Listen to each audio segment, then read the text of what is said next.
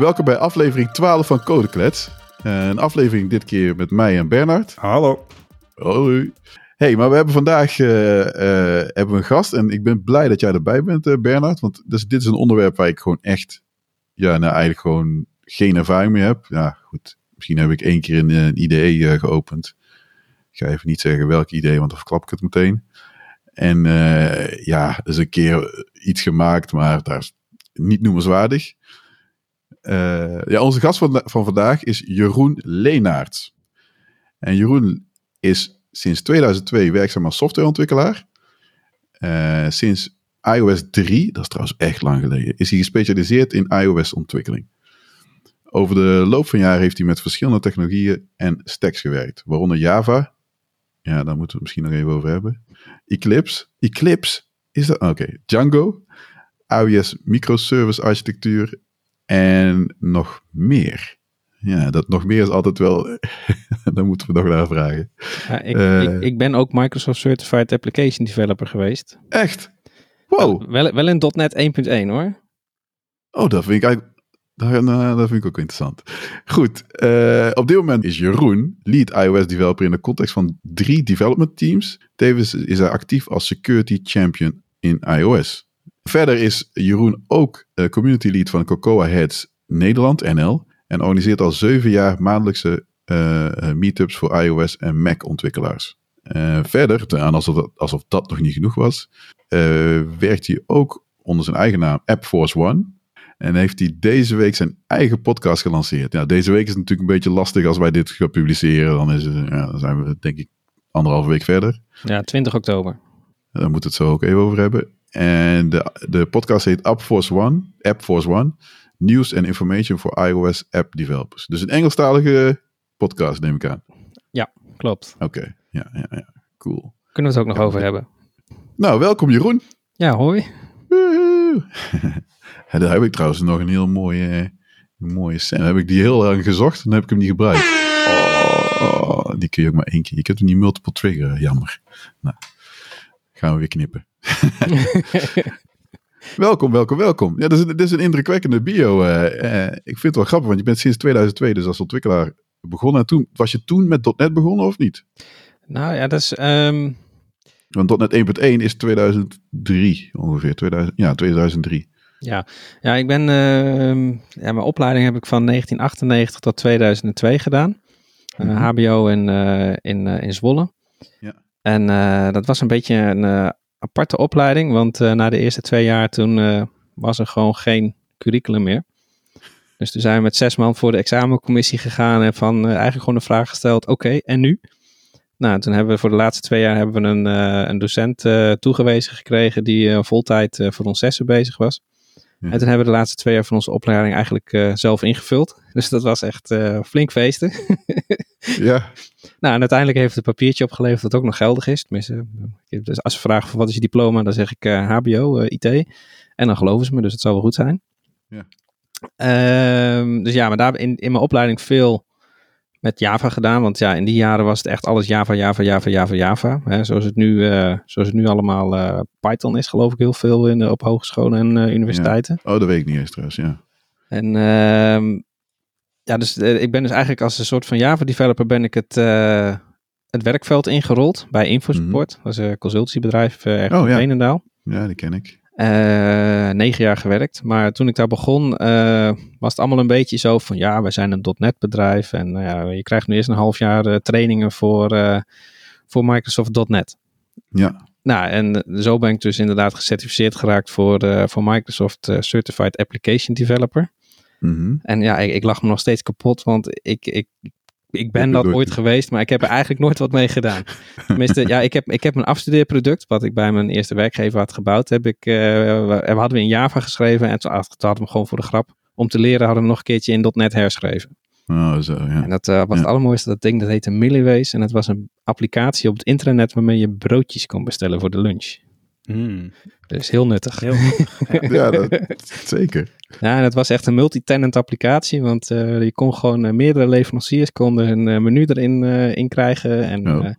Nou ja, en aan het einde van de maand dan rolde daar een, een printje uit. Dat ging naar de loonadministratie toe. En dan, nou ja, dan kon je zien hoe, ver, hoe erg de schade was op je loonstrook. dus, ja, dat is wel een goeie. Ja, en, en, en nou, toen ik bij het bedrijf wegging, dat was negen jaar later, toen draaide dat ding nog steeds. Oh, echt? Nou, Ja. dat, dat, dat heb je het op zich. Over de loop der jaren wel door iemand anders eh, hier en daar langzaamaan geüpgrade. Eh, Ik weet niet Ja. of het nu nog draait. Maar zo ben ik dus inderdaad eh, met .NET in aanraking gekomen, heel Mhm. even. En toen heb ik eigenlijk eerst tot eh, eh, ja, heel veel Java dingen gedaan, waaronder Eclipse RCP, eh, frontend, backend, nou ja, echt ouderwets Java Enterprise Beans eh, ge- geschreven. Hè, dat je echt Oh, gewoon ja. iets van vier files nodig hebt om één objectje te definiëren op, eh, op IBM WebSphere. Mhm. Eh, ook met Oracle. eh, ik weet niet meer eens hoe dat ding heet, joh. Dat was nog voor, dat was nog voor die, eh, voor die goudvis applicatieserver. Ik weet niet eens hoe die meer, hoe die meer heet. Maar Ik weet het ook niet. Ik weet dat er... Ja, ik heb Ja. volgens mij... Sun Microsystems bestond toen nog. Ja, maar dat heeft nog een heel... Dat, dat, dat is op zich nog best wel lang is dat doorgegaan. Ik bedoel, het is niet, niet per se heel lang geleden dat Oracle het overgenomen heeft. Maar dat is wel een van... Nee, Oracle had toch... Ja, een application server die draaide op die database of zo. Dat ik weet niet hoe dat... je Ja, bedoel, de hele, de hele play van Oracle was altijd dat ze gewoon die database door je strot en Ja, ja, duwen. ja. En als je dan die database had, dan, eh, dan was je op een gegeven moment was je afhankelijk van ze. En dan Ja. gingen ze de licenties opschroeven. Dat, bedoel, dat is wat Ja, Oracle altijd ja. gedaan heeft. Ja. Heel Ik, herkenbaar. eh, Ja. Kijk, Java, voor mij, Java.net, bedoel ik ben ja, .net developer, is, is een beetje Ajax Feyenoord. Ja. Nou, dat, dat is gewoon, eh, wat, wat is je voorkeur en eh, nou, dat zal wel. Mhm. Met Oracle heb ik, dat, is- dat is echt een, ik weet niet, ik vind het zo niet zo'n heel relaxed bedrijf, omdat dat heel erg sales gedreven is. ja, ze wouden laatst wel bijna TikTok kopen. Ja, dat is volgens mij nog steeds aan de orde, toch? Ja.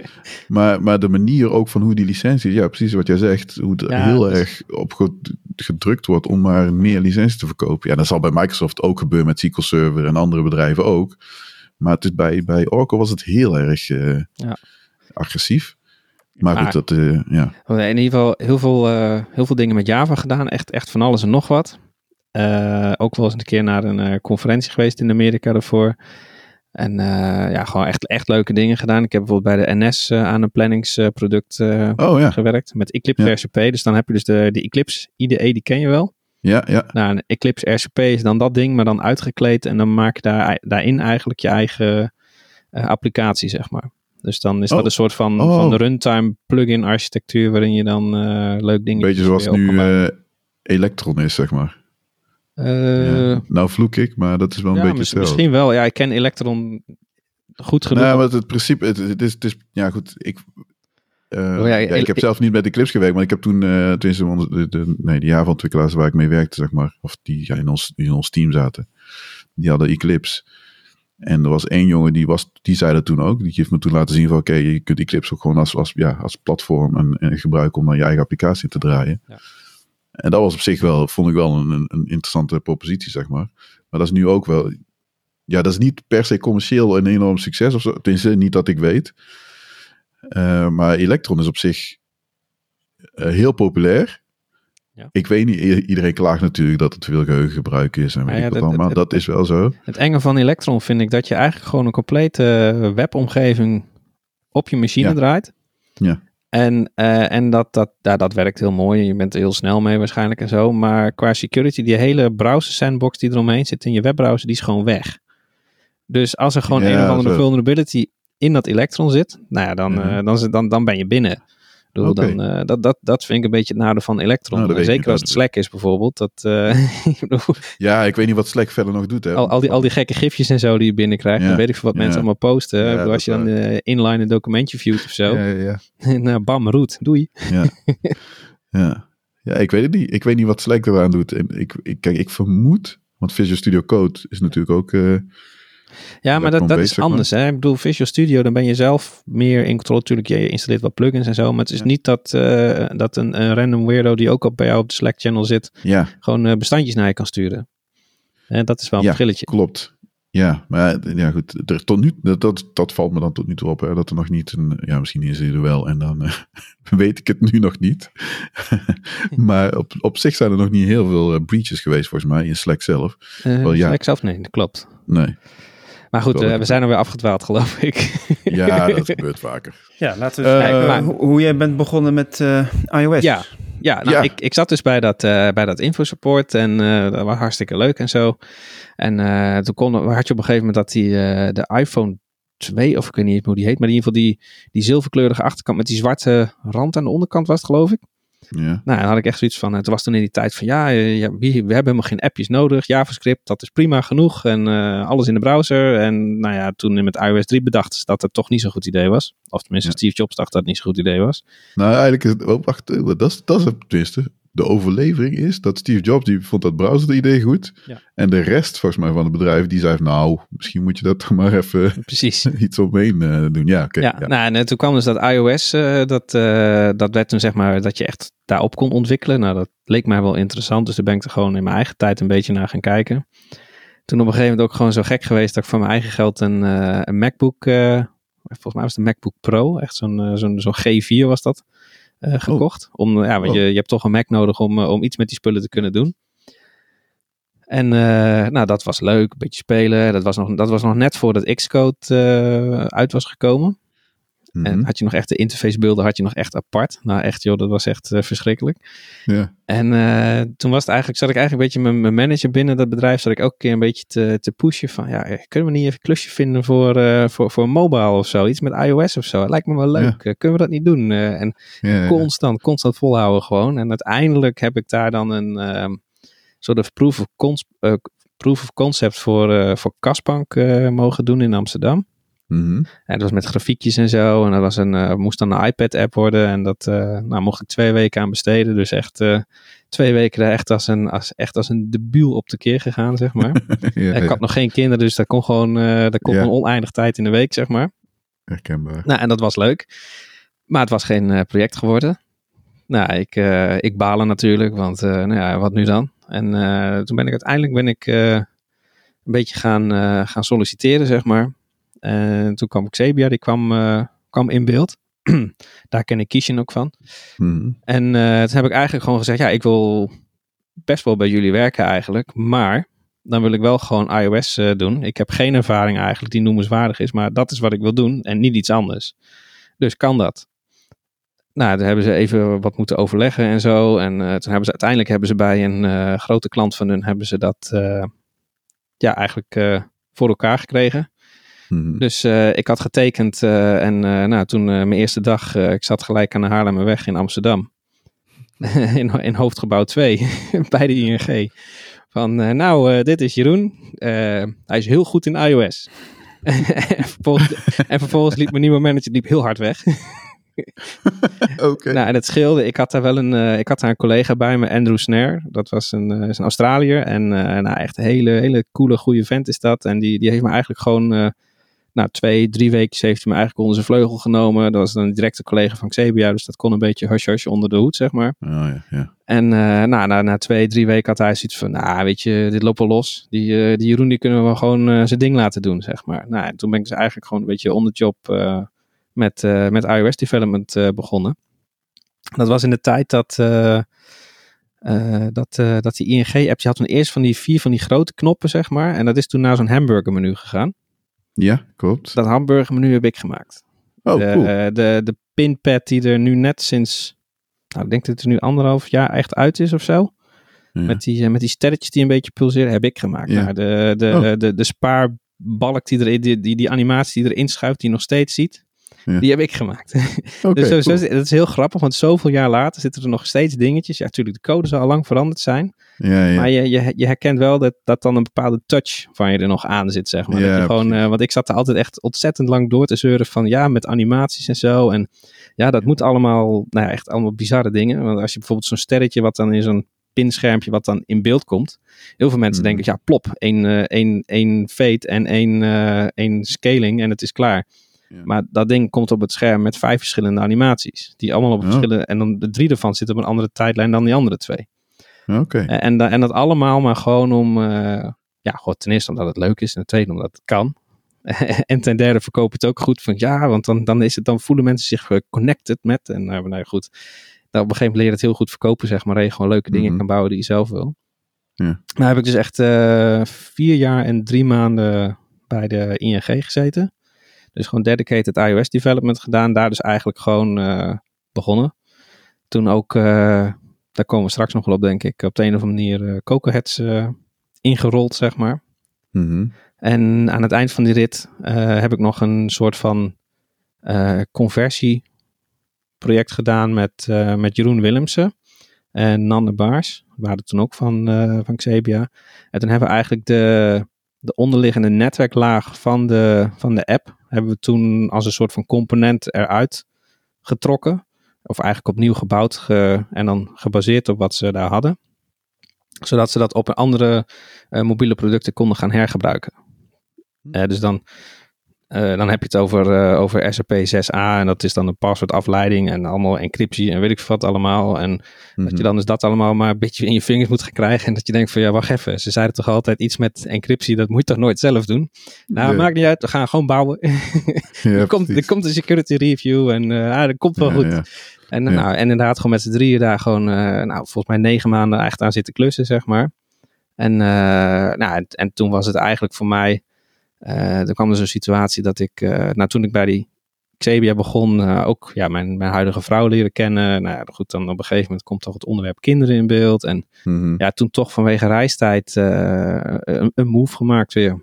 Dus okay. ben ik weggegaan bij, bij Xebia. Ben ik bij een kleine agency in Apeldoorn terechtgekomen. Oké. Okay, ja. Dat was negen maanden. Ja, was, ik werd er knettergek van mijn baas. Dus toen had ik zoiets van, dit is hem niet. Uh, Toen ben ik weer teruggegaan naar een bedrijf in uh, Amsterdam. Okay. Dat was een, een iPad-app die voor fashion retail inkoopbegeleiding deed. Dus dan kon je dat als, als, als modewinkel of modeketen-eigenaar ga je eigenlijk gewoon ook kleding kopen. Uh, en alleen ja, de schaal waarop je dat doet is natuurlijk, kijk, als, je, als ik naar de kledingwinkel ga, dan, dan koop ik eens een shirtje of een broek of zo, en dan ben ja, ik precies, klaar. Ja. Maar die lui die ja. kopen gewoon compleet dingen wat ze noemen maatbogen.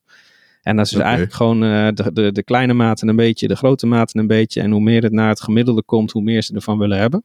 Mm -hmm. Ja, en oh ja, ik snap. Het, ja. zijn dus echt, het zijn dus echt lui die gaan gewoon even shoppen. En die, die doen even een rondje uh, bij uh, ja, eigenlijk gewoon fashionbedrijven. Die dan ook gewoon een soort van warenhuizen in Nederland hebben. Waar je dus je inkoop kan doen. Dus daar staan de, hangen de artikelen gewoon om inderdaad gewoon te kijken en mm -hmm. te voelen. Ja, dat is voor die mensen heel belangrijk. Want ja, het is toch een, toch een, toch een heel erg persoonlijk en, en, en intiem ja, product, kleding. Ja. En maar dan, dan lopen ze zo'n gebouw binnen en dan uh, gaan ze shoppen, shoppen, shoppen, shoppen. En aan het eind van de dag hebben ze vier ton uitgegeven. Ja, Alleen okay. ze, ze, hebben echt geen flauw idee hoeveel ze eigenlijk uh, ingekocht hebben. En daar begeleidt het product dan dus eigenlijk bij. Dat je Oh, gewoon ja. kan zien van nou heb ik een beetje de goede maten. Heb ik niet te veel van één kleur. Want het zat dus ook, was ook allemaal visueel met foto's en weet ik wat allemaal. Nou dat was hartstikke leuk. Want daar zat dus ook een heel groot uh, cloud component bij. Dus Amazon Mhm. Web Services met Django REST uh, backend microservices. Maar wat, in welk jaar was dit dan? uh, dat was bij, uh, ja, moet ik even denken wat het was.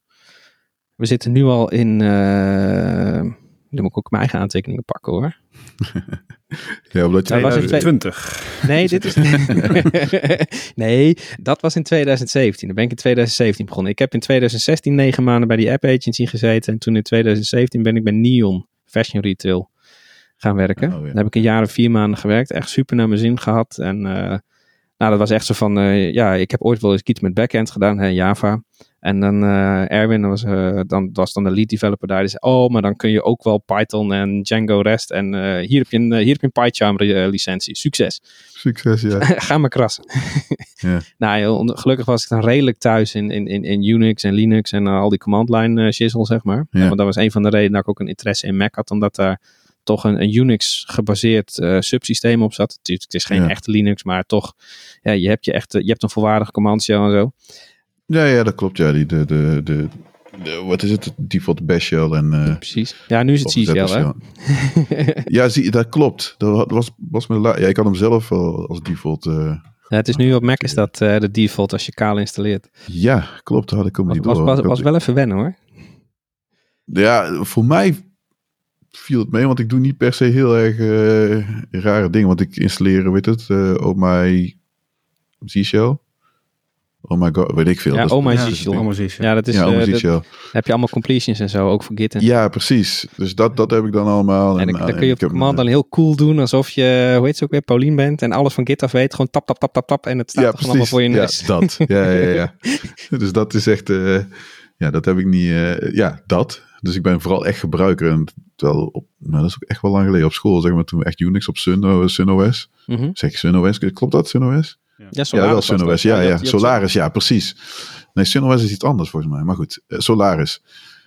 Uh, ja, toen is ja, toen had ik echt wel wat, wat eh, shell scripts en zo. En dat, had ik me daar wat meer in verdiept. Maar dat, dat weet ik echt nu helemaal niet meer. Ik ben gewoon echt redelijk gebruikt. Alleen ik vind command line wel fijn geworden. Ja, elke, elke dag hè. En dan uh, toch even een beetje... Ja, ja het is toch fijn. Het is vaak voor bepaalde dingen. Um, maar, maar, even terug. Ja, ik zat dus in 2017 bij dat, uh, bij dat fashion bedrijf. Ja. Uh, met Python Django en uh, ook heel veel, ook bepaalde stukken op een gegeven moment van die stack. Omdat het heel erg elastic wat we daar qua load hadden hebben we dat op een gegeven moment ook naar, uh, naar Lambda-functies uh, herschreven. Dus daar kwam er op een gegeven moment gewoon een nieuwe catalogus van een, van een bedrijf binnen. En uh, ja, Lambda, dat zijn zeg maar functions as a service. En dan kwam, die, kwam dat gewoon binnen. En dan, nou ja, dan in plaats van dat er dan een VM'tje al stond te pruttelen en er klaar voor was, die volledig unrespect was voor wat je nodig had. En dan vervolgens na twee uur aan het stampen was. Hmm. Nou, dan had je gewoon met Lambda-functies, had je gewoon, nou ja, dan was je je jobs, moest je even opknippen, starten. En dan, dan ging dat parallel met 150 uh, eh, instances. En dat, dat duurde dan een minuutje of zo, weet je wel. In plaats van, van, van twee uur. Ja. En, en het was nog eens goedkoper ook. Dus nou, iedereen blij. En nou, betere kwaliteit en je bent sneller. Wat wil je nog meer? Ja, ja. ja. En nou, dat soort dingetjes hadden we daar dus. En, maar goed, ook, ook daar gewoon echt gewoon Linux server onderhoud moeten doen. Natuurlijk wel virtueel, maar ja, die, die kringen die moesten wel geüpdate worden. En dat was allemaal een beetje op de bonnen voor je was het allemaal ontstaan daar. Dus het was ook niet helemaal uh, infrastructure uh, as code, zeg maar. Dus het was allemaal nog wel een beetje handmatig je, je instances bijwerken en updaten. Ja. en nou, hartstikke leuk. Maar ja, toen kwam de tweede. kind. en toen was het verdraaid. Ja, het is toch wel fijn om toch wat dichter bij huis te zijn. Ja, dat snap ik. En het, het grappige was toen dat van mijn huidige werkgever ik werk bij Achmea, hè, grote verzekeraar mhm. met callcenters en zo. Ja. Dat, ja, even teruggrijpen naar die opmerking van iemand. Was jij dat? Ja. En ja, ja. toen was het, was het eigenlijk was dan die recruitment dame, daar had ik dan contact mee vanwege Coco Heads. En nou ja, daar hadden we eens een keertje een meetup mee georganiseerd. Dat was allemaal prima. Maar ze bleef maar achter me aanzitten, bleef maar achter me aanzitten. Dus elke, elke maand of zo, dan kreeg ik wel een belletje of een e-mailtje. Nee, ik werd gewoon gestalkt door haar. Maar uiteindelijk had het effect. Dus, uh, ben ik op een gegeven moment zoiets van, nou oké, vooruit dan. Ik kom wel een keer op gesprek. Uh, een week later had ik een contract. Ja, dat snap dus, ik. Uh, nou, en, en daar werk ik nu sinds 2018 alweer. Ja. Zo, de knet, dat was al 2,5 jaar. Ja, ik ben in mei 2018 begonnen, ja. ja. Dus dat is een beetje wat ik qua, qua werk gedaan heb. En ja, en eigenlijk bij Achmea weer volledig op iOS gefocust. En uh, ja, ook het, het, het backend werk een beetje weer uh, laten gaan. Maar ja, goed, dat, dat zijn van de dingen die. Ah ja, je, je, prutst eens een keer wat aan of je helpt eens een keer iemand uh, op wat kleinere schaal. En dan blijf je er toch wel een beetje mee bezig. Ja, precies. Ja. Dus. Oké, okay, nou duidelijk. kan je misschien iets vertellen over hoe dat dan gaat, zo'n iPhone-appje bouwen? Hoe, wat gebruik je? Waar begin je? Wat gebruik je niet?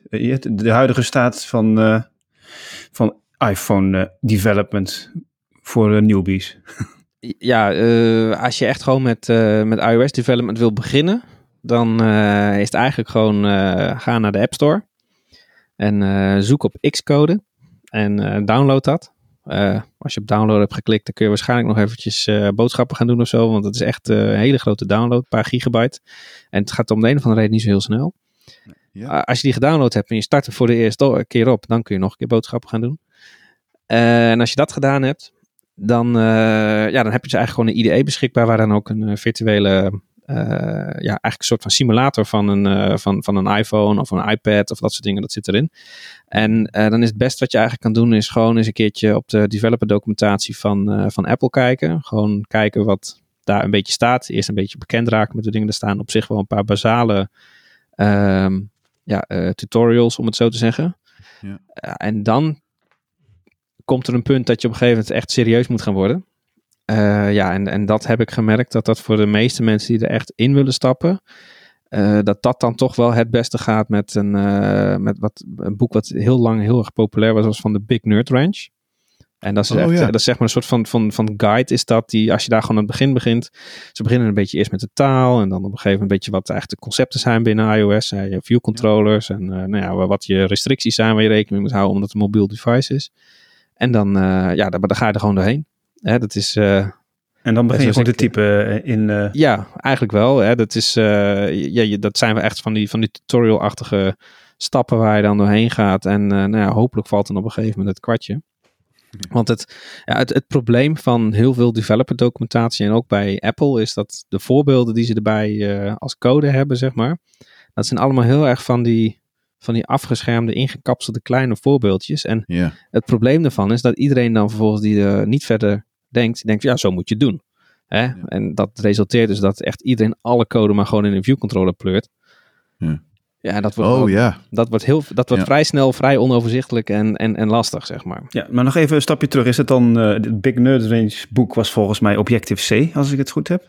Maar volgens mij zijn ze ook wel geüpdate nu naar een, uh, naar een, uh, naar een Swift uh, variant. Wat is en, Objective-C wat is Swift? En is dat niet hetzelfde stiekem? oh nee, zeker niet. Nee, nee, nee, nee. Ja, eigenlijk Objective-C, dat is uh, voor de nieuwere iOS-developers, die, die proberen dat echt gewoon alleen maar aan te raken met een hele lange stok. Mm -hmm. terwijl het eigenlijk kwartaal echt een, ja, het, het, is een soort van Frankenstein-creatie tussen C en Smalltalk, om het zo te zeggen.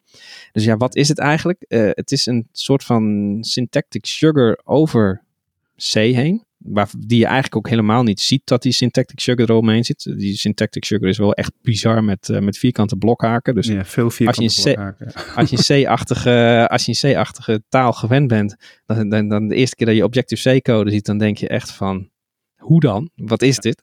Hoe lees ik dit? Nou ja, en, en het gekke is een beetje als je, als je mensen spreekt die geruime tijd Objective-C geprogrammeerd hebben, die, die vinden overal waar ze binnenkomen, vinden ze de functienamen en de variabele namen tekort. Want uh, het, het, Objective-C is een taal die zich ontzettend leent om echt, nou, echt, nou, echt functienamen en, en klassennamen te verzinnen die echt stukjes proza zijn bijna. Ja. En ja, wat is, op, wat is Objective-C? Dat is dus eigenlijk een dialect over C heen die uh, objectoriëntatie toevoegt aan, uh, ja, aan een C-taal. Ja. En het grappige is dus ook dat je in Objective-C dus ook echt volledige toegang hebt tot, uh, tot alles wat je in C kan doen. is heel leuk. Is ook heel gevaarlijk. Want wat kun je met C? Hele mooie crashes veroorzaken. Ja, ja. En, en dat is dus ook wel de, echt een van de, de, de, de grootste pluspunten van als je Swift gebruikt leg zo uit wat dat een beetje is. Uh, dat is dat uh, Swift je veel meer beschermt tegen uh, ja, die typische memory en stack gerelateerde fouten die je in, in C kan maken. Ja, je zet gewoon overal een uitroepteken achter. nou, ja. Dan moet je zo optionals zijn cool. oh zo, ja, ja. Doe dat niet. Echt, echt mensen die, die, die overal een bang achter zetten, dan heb ik echt zoiets van nee, niet doen. Nee, nee zeker niet. doe dat niet. Nee, dan kan je net, net zoveel kapot maken als in objecten. Ja, het, het, het, het crasht dan net zo hard inderdaad. Ja. En ja, wat is, uh, wat is Swift? Ja, Swift is eigenlijk een, een nieuwe taal uh, ontwikkeld door uh, Chris Labner. Die, die zat toen hij dat deed bij uh, bij Apple. Inmiddels is heeft hij alweer bij Tesla gezeten en ik weet niet waar hij nu zit. Maar die heeft in ieder geval in opdracht van Apple heeft hij daar een, uh, een taal ontwikkeld. Dat een, een, een ja, aanvankelijk pitchte het als een, eh, een Objective-C ja, plus plus geloof ik zelfs nog. Maar het is dus echt een, een, een, een C-achtig opgemaakte taal. Dus inderdaad met typische accolades en, en functiehaakjes zoals je dat eigenlijk een beetje kent vanuit, vanuit C en, en dat soort talen. Dus Java of C-Sharp. En ja, het, het, het geeft je gewoon veel meer uh, houvast, in ieder geval voor wat betreft uh, memory management. Want uh, je had, toen ik begon met, met iOS development, had je echt nog dat je, dat je handmatig je, je geheugen beheer moest doen met, met retains en releases en zo. Ja. En, en, en had je, je had ook wel van die auto-release pools en zo. En die werden nooit op het juiste moment gedraind en zo. Maar je had dan, en, maar wat Swift dus eigenlijk deed, de, die heeft een iets elegantere manier om je, om je reference counting te doen. En daardoor heb je dat je met, als je met, sowieso als je met Swift programmeert, heb je iets minder kans dat je uh, echt, echt grote memory problemen veroorzaakt. Ik bedoel, je kan nog steeds dezelfde problemen veroorzaken. Maar, maar goed, wat is de, het voordeel van Swift ten opzichte van Objective-C? Swift is een taal die ja, voor de gemiddelde ontwikkelaar wat beter leerbaar is. Zeg maar. Omdat het gewoon een wat meer eenduidige syntax is. Er zitten minder, uh, minder bizarre uh, implementatiedetails aan. Uh, want dat was toch wel een dingetje met Objective-C. Omdat het een, een soort van uit de hand gelopen hack op C is. zaten er echt wel best wel spannende dingen in af en toe, zeg maar. Ja. Ja, ik ben ook wel blij dat ik van die .h-files af ben, merk ik nu. Want ik zit nog op projecten, die worden door elkaar gebruikt. Swift en Objective-C. Uh, en ik begin er toch wel stiekem aan te wennen dat, dat, dat, uh, dat die weg zijn. Of wegraken. Ja. Uh, maar als je dan zit te typen in de Swift of in Objective-C, dat bouw je ook zo de interface op, gewoon in code? ja, daar zijn de meningen over verdeeld. Um, je hebt in, uh, van oudsher heb je als, je, als je, als je Apple gerelateerde development doet, heb je een, uh, een concept wat ze de interface builder noemden. Um, voordat er Xcode was, was de interface builder echt daadwerkelijk een apart uh, executable, apart programma wat je naast je, volgens mij heet het project editor of zo, ik weet niet meer hoe het ding heet, maar dat was inderdaad een soort met van je code editor. Mm -hmm. En je had dus echt je, je, je code editor en je, je visuele editor, dat waren gewoon twee dingen die je naast elkaar gebruikte. Twee applicaties. Nou, Xcode, eh, dat was het grote ding van Xcode, die integreerde dat met elkaar. En uh, ja, wat je dus uh, qua user interface kan doen, je kan ten eerste natuurlijk al je user interface elementen gewoon in code definiëren. Dat je dus inderdaad de dingen aanmaakt en dat je het op zijn plek zet. En alle, alle layout zaken, dat je die ook gewoon goed doet. Zodat het ook inderdaad, zodra je het op je scherm ziet, dat het ook op de plek staat waar het wil hebben. En, maar je kan ook interfacebeelden gebruiken. En dan kun je dus eigenlijk in een soort van visuele manier kun je, kun je uh, uh, ja, componentjes op een scherm slepen. En dan kun je dan inderdaad, ja, wat ze dan noemen, die kun je dan wiren met je code. Ja, touwtjes zodat je dus, ja, zodat je dus vanuit je code en dat wat je visueel hebt opgemaakt, dat daar dan ook een verbinding tussen is. Ja. En nou ja, wat daar vervolgens weer op nieuw gekomen is, is wat ze nu noemen Swift UI. En dat is, een, uh, ja, dat, is een, dat is iets nu wat nu sinds iOS 13 kun je dat als iOS developer doen. Uh, dat is een, een, een, meer declaratieve manier om user interface te definiëren in code. Ja. maar ja. zoals we het opgezet hebben, kan het ook heel goed een soort van preview rendering doen van datgene wat je in ja. code aan het doen bent.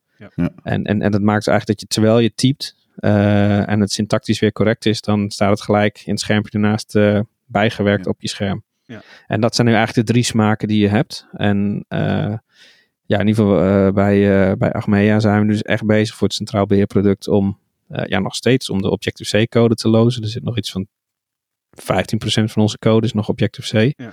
Mm -hmm. um, maar we gaan zeer binnenkort echt volle bak op, op Swift UI duiken. Maar ja. raak je dan niet de oude iOS-versies kwijt? Ja. Zo so be it. Uh, ja, we weten de percentages van eindgebruikers die daar last mee krijgen. Ja, dat zijn er niet veel. En, weet ik, nee. en, business heeft uh, natuurlijk wel op input van de development teams, uh, hebben die besloten dat inderdaad het verlies van die gebruikers niet opweegt tegen het, de pluspunten ten aanzien van, van verwachte productiviteit, toename. Nee, je kent, ja. je kent alle ja. voor's en tegens wel. Dat je ja, iets, iets, iets kost je wat, maar het levert ook wat op. En nou, het valt nu positief uit. En daar zijn we als developers erg blij mee. Oké. Okay. Maar vanaf welke versie, zeg maar, uh, welke versies vallen af? Uh, Volgens ja, mij mag hij. voor 13. Ja. ja oh, oké. Okay. Dat, dat is wel redelijk recent. Ja, Swift, ja, Swift, dacht... Swift, UI is beschikbaar sinds iOS 13. Ja, ja oh ja, Swift UI, sorry. Ja, Kijk, en, en dat we ermee bezig gaan betekent ook niet gelijk dat we het al live hebben natuurlijk. Ik bedoel, we blijven er Nee, maar goed, ik, ik dacht vooral omdat, kijk, security voor, voor in de financiële sector is wel redelijk belangrijk. Dus je, kan, je kunt ook zomaar zeggen van ja, heel leuk, maar we gaan naar iOS, uh, ik weet niet eens wat, uh, 9 of 10 of zo. Ja, die, die wordt niet meer geüpdate en dan komen geen security patches meer maar die gaan we dus gewoon niet meer ondersteunen, omdat het operating system zelf gewoon niet veilig is. Dat, ja. Weet je, dat je vanuit die insteek... Uh, ja, het is, het is eigenlijk als je, als, je, als je puur door een security bril kijkt naar het iOS-ecosysteem, mm -hmm. dan moet je eigenlijk alles voor iOS 13 moet je al niet meer gebruiken. moet je gewoon echt ja. niet doen. Ja. Gewoon omdat het, uh, kijk, iOS 12.4 is nog, er wordt nog wel gepatcht, zeg maar. Ja. Maar ja, er de, de zijn echt gewoon op iOS 12 zijn al gewoon issues bekend die niet opgelost zijn. Ja, uh, ja. Het, het is gewoon, ja, wat, wat, wat, wat moet je anders? Hè? Ik bedoel, we kennen altijd wel die, die, die, die oude oom of tante die nog een telefoon van vijf jaar oud heeft en roept dat hij het nog prima doet. Ja, dat klopt. Dat, dat is wel weer zo. De, maar goed, ja. Ja, nee, ik snap, aan de andere kant, hè, want uh, mensen klagen dan wel van dat, het niet, uh, dat je niet meer geüpdate wordt. Maar het is, feit is wel dat je in het, uh, in, als je een iPhone koopt, ja, als je nu vandaag naar de winkel gaat, oké, als je nu vandaag op het internet gaat en je koopt een iPhone, ja, ja. Dan, dan weet je eigenlijk vrij zeker dat je daar minstens vier, vijf jaar updates op krijgt. Ga je een Android kopen, dan nou, als je, als je één of twee jaar updates krijgt, dan heb je geluk. Dat is echt een groot verschil. Het, is misschien, ja goed, volgens mij met Google telefoons is het nog... Ja, maar wie koopt er nou een Pixel? Nou ja, die, die, die de, de prijs-prestatieverhouding is volgens mij best goed. Dat wel. dan heb je dus het voordeel dat die, die, die, die, dat die bijgewerkt. Maar goed, even, dat, dat is even... dat is een andere Playmore. ja, precies. Nee, maar goed, ik begrijp, dus dat, is, dat telt dus wel mee. Dus dat je ook gaat kijken van, oké, hoe veilig is dat op Ja, want het, het is wel, als je, als je kijkt van, uh, naar de toestellen die, die, die iOS 13 kunnen draaien, uh, ja, de, de cut-off van het device, dat ligt echt iets van vier jaar in het verleden. Dat zijn de devices die toen uitkwamen, die supporten we dan niet meer. Ja. en als iemand dan niet beslist voor zichzelf om uh, niet naar een nieuwere iOS-versie te updaten, ja, dat is aan de eindgebruiker zelf natuurlijk. Ja. Want uh, iemand wil zijn jailbreak niet kwijtraken of zo. Ja, nou ja, heel flauw gezegd die eindgebruiker wil je ook niet hebben dat hij je verzekeringen-app eigenlijk draait. Want ja, uh, hoe lekker als een mandje is dat device van die gebruiker? Want je bent als, ja, precies. Je bent als, als, als leverancier van die software, hè, dat appje, ja, je wordt er wel op aangekeken als dat toch onverhoopt iets misgaat. Ja, klopt. Hè, ondanks dat je er, hè, het staat in de voorwaarden, je hebt mensen gewaarschuwd. Ja, uh, het kan toch best nog wel eens misgaan. Is het wel zo dat de opzet van, uh, van het product waar ik aan werk, dat je eigenlijk niks kan ook al heb je full access uh, tot de gegevens van je eindgebruiker op het toestel. Maar dat is mhm. meer gewoon omdat er bepaalde keuzes zijn gemaakt, ook qua backend implementatie. En daar, wordt, daar wordt natuurlijk ook het nodige goed in de gaten gehouden. Ik, ik heb nog een uh, hopelijk een slimme vraag. dat weet ik niet zeker, maar dat gaan we nu merken. Uh, ja, er, er is Objective-C en er is uh, Swift. Nou goed, dat heb je natuurlijk net al gezegd. Correct. Maar er is ook iets als een, een ABI-compatibiliteit. Ja. Ik weet niet of je daar iets over kunnen zeggen, maar mijn vraag, wat mij opviel, zeg maar, omdat kijk, ik, ik, ik develop meestal, ja, gewoon eigenlijk altijd gewoon tot net. En als er dan nieuwe versies komen, dan is het, ja, oké, er komt gewoon een nieuwe versie. Ga met de banaan, niks aan de hand. En, er is een, tot een bepaalde hoogte is er een backward compatibiliteit op de framework en, en bepaalde applicaties draaien nog. Maar goed, dat, dat is allemaal redelijk uh, uh, duidelijk. En het is niet zo heel, heel spannend, zeg maar, om naar een nieuwe versie te gaan. Alleen ik, ik, ik zie iedere keer, oh, Swift drie uh, AB-stabiliteit, bla bla bla. En toen dacht ik, hè? Die term hield ik nooit rekening mee. En het is wel heel logisch, het geldt voor alle talen en platformen. Maar ja, dat, uh, kunnen jullie, of heeft jij in ieder geval iets uitleggen over wat een er is een, er is een, Er is een, er is een tijd geweest dat je als, uh, als, als, als developer op het Mac-ecosysteem echt helemaal knettergek werd als er weer een nieuwe Swift-versie uitkwam. Want je kon dan vervolgens je hele codebase kon je weer eigenlijk gaan aanpassen. Dat was dus eigenlijk gewoon van, uh, ja, sorry, de, de sprint uh, die gaan we niet halen, want uh, we moeten nu even alle, alle breaking changes van Apple moeten we eventjes gaan oplossen. En nou, dan had je gewoon inderdaad een paar dagen werk aan. Dus ja, alles wat je in je sprint had staan, ja, doei, dat ga je nooit halen meer. Ja. Nou, en wat is, daar, wat is daar de oorzaak van? volgens mij, tot, we zitten nu op Swift 5, geloof ik. Ja, Swift 5. En ze hebben nu sinds een jaartje, geloof ik, vorig jaar hebben ze, pin me niet op de exacte versie, maar ze hebben sinds een jaartje ABI Stability. Mhm. En wat dat dus eigenlijk betekent is dat, uh, ja, waar staat de afkorting eigenlijk voor ABI? Ja, dat is volgens mij de, de, de, het binair formaat, zeg maar. Ja, het is, het is binary interface, maar ik weet even niet waar die A voor staat. Het, het komt er eigenlijk op neer dat als je ABI stability hebt, dan maakt het eigenlijk niet uit met welke compiler je het compileert, dus welke Swift versie. Ja. Um, het, het zal draaien op de, de runtime omgeving uh, die uh, gebruikt wordt. Ja, ja, ja. Uh, want wat, is, wat zag je ook tot, wat zag je op een gegeven moment ook als eindgebruiker, kun je het misschien gezien hebben, want er is een moment geweest dat in één keer alle apps op de App Store, dat die gewoon zo'n zo'n 20 à 40 MB kleiner werden. En dat was dus omdat gewoon die complete Swift runtime niet meer in de app meegepackaged werd, maar dat die gewoon op je toestel gewoon draait. Ja. En daarom was het zo'n groot ding dat die ABI-stabiliteit kwam. Want uh, ten eerste, uh, nou ja, je, het is wat makkelijker voor de developers, maar voor de eindgebruikers scheelde een boel bandbreedte. En ja, Apple heeft bewust gekozen om die stabiliteit een tijd lang niet te bieden. omdat het mhm. ze anders tegen zou houden in het kunnen ontwikkelen van de taal Swift. En op een gegeven moment hadden ze iets van na vier jaar of zo van nou nu is Swift voldoende uitontwikkeld. Uh, zien, voorzien we niet hele grote breaking changes meer. Dus hebben ze aangegeven van ja, vanaf nu hebben we ABI-stabiliteit. En zal, zullen de wijzigingen op dat gebied heel wel overwogen en um, goed doordacht gedaan worden. Dus het kan nog steeds wel zijn dat er een keer een breaking change zal zijn. Maar ze kiezen er nu wel voor om dat in ieder geval forward compatible te hebben. Dus als je een nieuwere versie hebt, dat dan in ieder geval een oude versie gecompileerd, dat die gewoon wel blijft werken.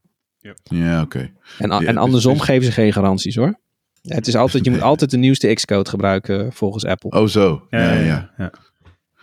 Uh, application Binary Interface. Ja, kan ik nu heel wijs zeggen. Ja, en, en, en wat, wat is dat? Een application binary interface. Je hebt eigenlijk je, je operating system, dus uh, iOS. En je, hebt jouw, uh, je hebt jouw code, dus jouw programma. En uh, wat dat application binary interface is, dat is eigenlijk het, het contract wat er op heel laag niveau leeft tussen uh, het platform waar je op draait en jouw executable. Want je kan je voorstellen, als jouw executable, als die, uh, als die een, een, een functie wil aanroepen om iets naar het netwerk te doen, dan, ja, dan moet hij dat wel kunnen aangeven als, uh, aan, aan het operating system. En, als die, ja. als, en, en wat dat ABI dan eigenlijk voor je regelt, is eigenlijk dat, nou, het is beschreven wat waar staat, dus dan kun je die functie aanroepen. Eh, en eh, en als, je, als je een breaking change in je ABI-stabiliteit, eh, in je API-compatibility hebt, ja, dan is het adres gewijzigd van een functie. Nou, en, en probeer maar eens een, je, probeer je beste vriend maar eens te vinden als die niet verteld is waar hij naartoe verhuisd is. Ja. En dan heb je een probleem. Ja, ja. Ja, nou ja, ik, begrijp, ik begrijp want dat, dat heb je in principe met Windows, de DLL, zeg maar. Die hebben natuurlijk ook een, een, een, een formaat. En op, god, nou moet ik op Linux, wil ik het zo even kunnen zeggen. Linux heeft ook een naam daarvoor.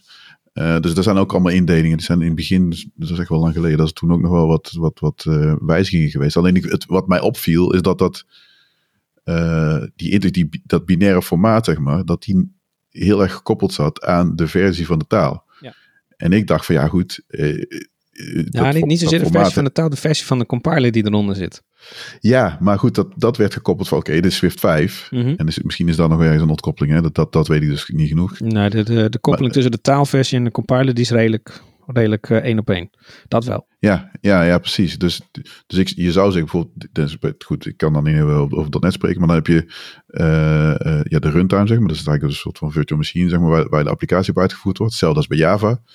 Dus de, de bytecode, zeg maar, uh, die dan daarop draait, dus die is gewoon stabiel. En dan kunnen we een, een, een versie van C-Sharp 7, 7.1, 7.2, 7.3, die, die draaien allemaal nog steeds op diezelfde runtime, zeg maar. Ja. En die, die runtime die verandert sowieso al veel minder hmm. snel dan de taalfeatures. Dus dat, dat, dat is helemaal in het begin met .NET. Nou goed, dit is echt een, een helemaal een side uh, ding. dat generics, die, de taal C-Sharp en VB.NET, die ondersteunen geen generics in versie 1. Uh, ja. Dan moet ik even heel goed opletten dat het 1, met 1 of 1.2, volgens mij in 2.0 kwam uh, generics. Maar de runtime die ondersteunde het wel. Daar kon je wel generics mee doen. Maar de taal ondersteunde het niet. Dus dat was even een, een, een, een ja, denk ik, oh, oké, dat is logisch, want er zit een ontkoppeling in. Maar goed, dus daarom had ik altijd zo van, oké, hoe zit het nou bij, bij, bij Apple? Omdat Apple toch altijd net het wat anders doet. Want die dingen van, van Java en .NET, die lijken heel veel op elkaar. Apple heeft best wel lang nodig gehad om, om die AB-stabiliteit uh, ja. uh, aan te kondigen. Ja. En, en dat schijnt een hele bewuste keuze te zijn geweest van hun. Nee, begrijp ik ook. Ik bedoel, dat is ook natuurlijk wel. Dus, dus, ik bedoel, ik kan al over wijsneus, maar daar zullen ze echt wel heel goed over nagedacht hebben. Dus dat is wel, uh, wel oké. Okay. En um, um, ja, goed, die, wat, wat je net zei, die interface beelden. Dat, kijk, de keren dat ik dus Xcode, waar ik in het begin allemaal zo moeilijk over deed, Xcode opende om te kijken, oh, ik ga even een application maken. Dat was voor mij echt wel heel erg anders. Want in, uh, uh, ja, er wordt altijd heel veel heel, heel gekscherend gedaan over Microsoft, maar de, het gemak waar je in VB en de latere VB.net een UI maakte, dat, is echt, daar ging echt nergens over. Je, je, je, sleepte, je had gewoon een vorm, je sleepte een aantal knoppen erop, dubbelklikte op de knop, hup, en je zat daar in de code, code erbij en ga met de banaan. En dat waarde heel erg Ja, ja dat, was, dat is veel declaratiever inderdaad, dat klopt. Ja, en, en, dat, en, ja, dat, ja, dat klopt. Dus dat, dat was zeg maar, ja sorry, dat was in eerste instantie uh, ja, hoe we formulieren maakten, winforms zeg maar heette die. En later hebben we, dat was nog niet per se declaratief, dat was echt in code. Later kregen zeg maar, uh, dus de declaratieve, dat is de XAML zeg maar formaat, dus een XML formaat waar je in je ja, declaratief, vergelijkbaar met HTML, UI uh, uh, definieert.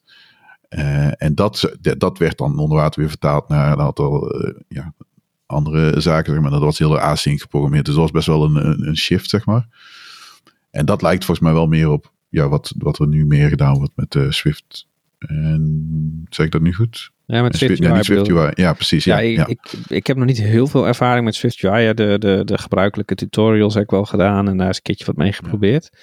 Maar het, het, is, het, het, grappige is wel dat interfacebeelden files uh, zoals XIPs en storyboards, die zijn ook XML hè? Ja. ja. ze zijn, ja, ze zijn alleen niet heel erg leesbaar. Zoals, uh, ja, dat is, ja, precies. Zoals het eigenlijk soort van bedoeld was. Ja, je, je, je, je, je weet dat je inderdaad gewoon een ervaren iOS-developer bent. als je met, uh, met enig vertrouwen inderdaad uh, een merge conflict in een, in een storyboard kan oplossen. en dat het dan daarna ook nog werkt. Dan, ja, dat, dat is echt wel zeg maar een soort van achievement als iOS-developer. Ja, ja. Dus, Oké. Okay. ja. Oké, okay, duidelijk.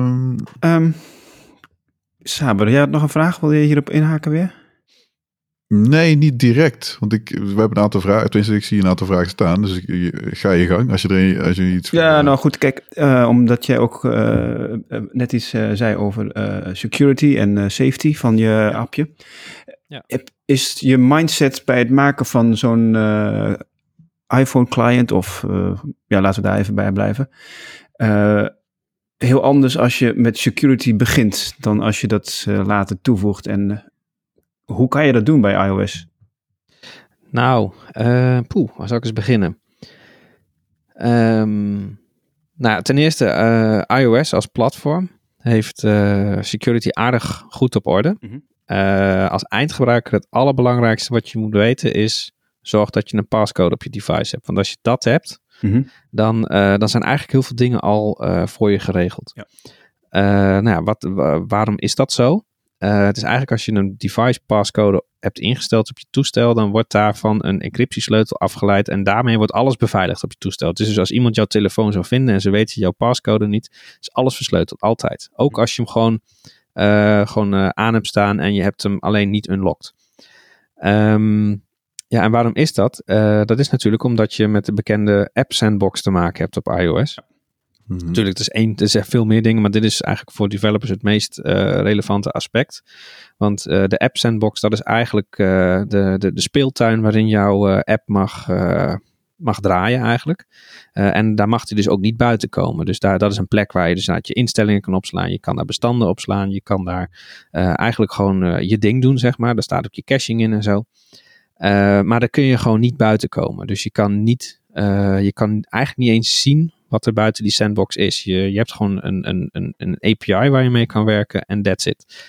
Um, voelt misschien als je een Linux developer bent uh, redelijk beperkend. Hè? Want ik bedoel, laten we eerlijk zijn, als je een echte hacker bent dan, en een hacker in de goede zin, dan, dan wil je weten hoe alles werkt. En dan wil je ook, ook, vooral ook gewoon eens een keer gewoon ergens je vinger in steken en kijken of het stuk gaat. Mm -hmm. ja. uh, nou, dat kan op iOS natuurlijk wat minder makkelijk. Um, nou, het voordeel is wel, omdat je dus die app sandbox hebt, dat je dus inderdaad gewoon als eindgebruiker weet dat je, nou, je spullen redelijk veilig daarop zijn. Natuurlijk is het ook wel zo dat je daar wel ook weer afhankelijk bent van wat de softwareontwikkelaar doet van het appje wat je gebruikt.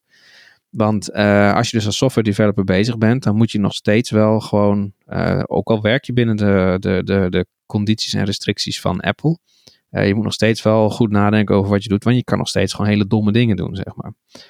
en waaronder inderdaad gewoon niet goed omgaan met netwerkverkeer. de, de spullen die echt kritisch zijn voor ja, de privacy van de eindgebruiker, dat je die op de verkeerde manier opslaat bijvoorbeeld. Want die sandbox is wel veiliger. Maar ik zou daar bijvoorbeeld niet, uh, ik zou er niet het SOFI-nummer, uh, of sorry, het BSN-nummer van de, van de eindgebruiker in, uh, zomaar in opslaan. Dat zou ik echt wel over nadenken hoe ik dat doe. Want je hebt nog steeds dat je, dat je ja, de, eigenlijk hetgene wat ik van uitga is eigenlijk, je hebt een aantal dingen als je softwareontwikkeling doet. Je hebt, je hebt data at rest, hè, dus, en data die dus, niet, die dus gewoon opgeslagen is. Daar moet je van bedenken van oké, als ik het opgeslagen heb, is het veilig. als dit gewoon op straat komt te liggen, is dat oké. Als dat niet oké is, dan moet je natuurlijk maatregelen opnemen. Dus versleuteling of gewoon niet opslaan. En, en je hebt data in transit. Dus dat is gewoon data die je gewoon in het geheugen hebt of data die het netwerk overstuurt. En wat je daar dus eigenlijk gewoon als, als iOS developer, volgens mij net zoals elke software developer gewoon moet doen, is gewoon bewust zijn wat je verstuurt. En, en ook bedenken van, ik heb deze data, maar wil ik deze data überhaupt wel? En als ik die data heb, moet ik hem dan wel vasthouden. Hè? Want als ik mee heb gedaan wat, waar het voor nodig was, dan data die je niet opgeslagen hebt, kun je ook niet kwijtraken, zeg maar. Uh, nou, en er zijn natuurlijk bepaalde middelen in een, eh, in een iOS-omgeving waar je uh, gewoon dingen kan opslaan. Je hebt uh, de keychain, die kennen we wel waarschijnlijk allemaal ook wel als je op een Mac werkt. daar staan al je, je internetwachtwoorden, kun je, kun je daar inzetten en zo. Ja. nou, als iOS-developer kun je daarop, als je daar iets in opslaat, kun je ook aangeven van uh, wat van restricties daarop zitten. Je kan bijvoorbeeld aangeven als developer van ja, ik wil dat dit niet het device verlaat. Ik wil niet dat dit naar Apple gesynchroniseerd wordt. Uh, Of je kan instellen van ja, ik wil dat als de gebruiker dit benadert, dan moet hij zijn, uh, zijn, zijn device ownership bewijzen. dat is dus je pincode, in, je, je device code invoeren of je touch ID of je face ID. Okay. en dat heeft dan weer met die secure enclave te maken die in, in Apple devices zit. Nou, dan krijg je gelijk de vraag, wat is de secure enclave? Ja, dat is een soort van, uh, uh, ja, dat is een soort van uh, system on a chip die in elke iPhone en elke Mac tegenwoordig zit. die volledig afgeschermd is. Nou, en dan was er nu net wel een paar weken terug dat daar wel weer een of andere security lek in zit natuurlijk. Ja, klopt, ja. Maar dat de, de path to exploitation van dat ding is uh, vrij bewerkelijk. Dus je bent nog steeds veilig als gemiddelde eindgebruiker. Maar wat het Secure Enclave doet, dat is eigenlijk gewoon een, een, een, een system on a chip met een eigen stukje opslag. Uh, waar dan eigenlijk, uh, ja, uh, waar gewoon eigenlijk encryptiesleutels in worden opgeslagen. En waar je dus alleen bij kan komen als je device ownership bewijst. En ja. ligt een beetje aan hoe je het instelt. Dat mag zijn dat je dat eenmalig hebt gedaan bij het starten van je toestel. het mag ook zijn dat okay. dat gewoon elke keer dat je het uit wil lezen, ja, maakt me niet uit. Je moet het gewoon bewijzen nu. Hmm. Nou, en dat is dus, betekent dus ook dat je als, je, als je het op die manier de login van een gebruiker beveiligt. dus het zit in de Secure Enclave en je wil Face ID login aanbieden aan je eindgebruiker. Als je dat doet, dus je moet door die Secure Enclave heen, dan doe je het goed. Mm-hmm. Maar je hebt ook zoiets dat je, ah, hartstikke leuk voor developers, maar dat je gewoon eigenlijk gewoon aan, uh, er is een API beschikbaar in iOS dat je kan vragen van nou, vraag me naar een eindgebruiker of die zijn Face ID uh, of zijn Touch ID uh, doet en geef me maar true of false terug of het goed is. Ja, en dan, en, dan, en dan als het goed is, als je true krijgt, nou, dan lees ik een waarde uit de keychain en uh, succes, we gaan weer verder.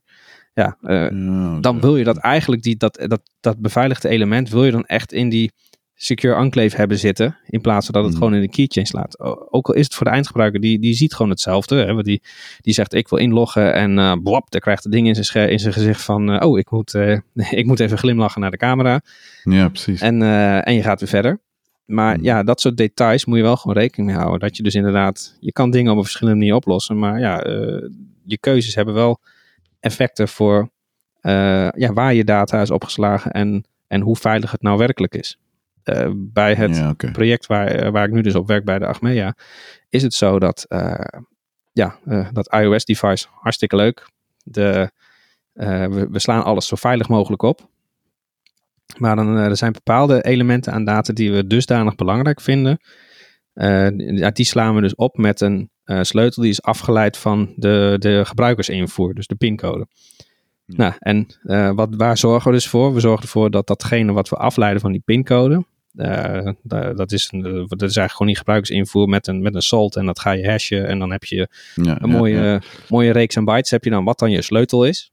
Ja. Uh, ja, die houden we natuurlijk zo, zo, zo, kort mogelijk in het geheugen. Zodat uh, als we ermee hebben gedaan wat we ermee willen doen en we hebben het niet meer nodig, nou weg met dat ding. Want uh, ja. ja. eigenlijk in security is het eigenlijk alles wat met security te maken heeft, dat is eigenlijk radioactief afval. En je, wil, je bent het liever kwijt dan rijk, zeg maar. Dus, ja, precies, ja.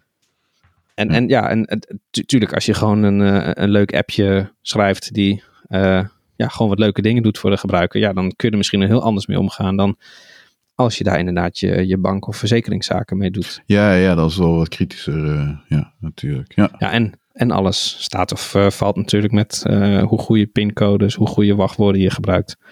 want je kan, je kan ja, je, je kan echt nog steeds gewoon Fort Knox hebben, zeg maar, als, als huis. Maar uh, als, je, uh, als je je pincode op een post-it op de voordeur plakt, ja, ja hallo, ja. Doe, ja. doe even niet. dan, dan, ja. dan gaat het er vrij makkelijk mis. Ja.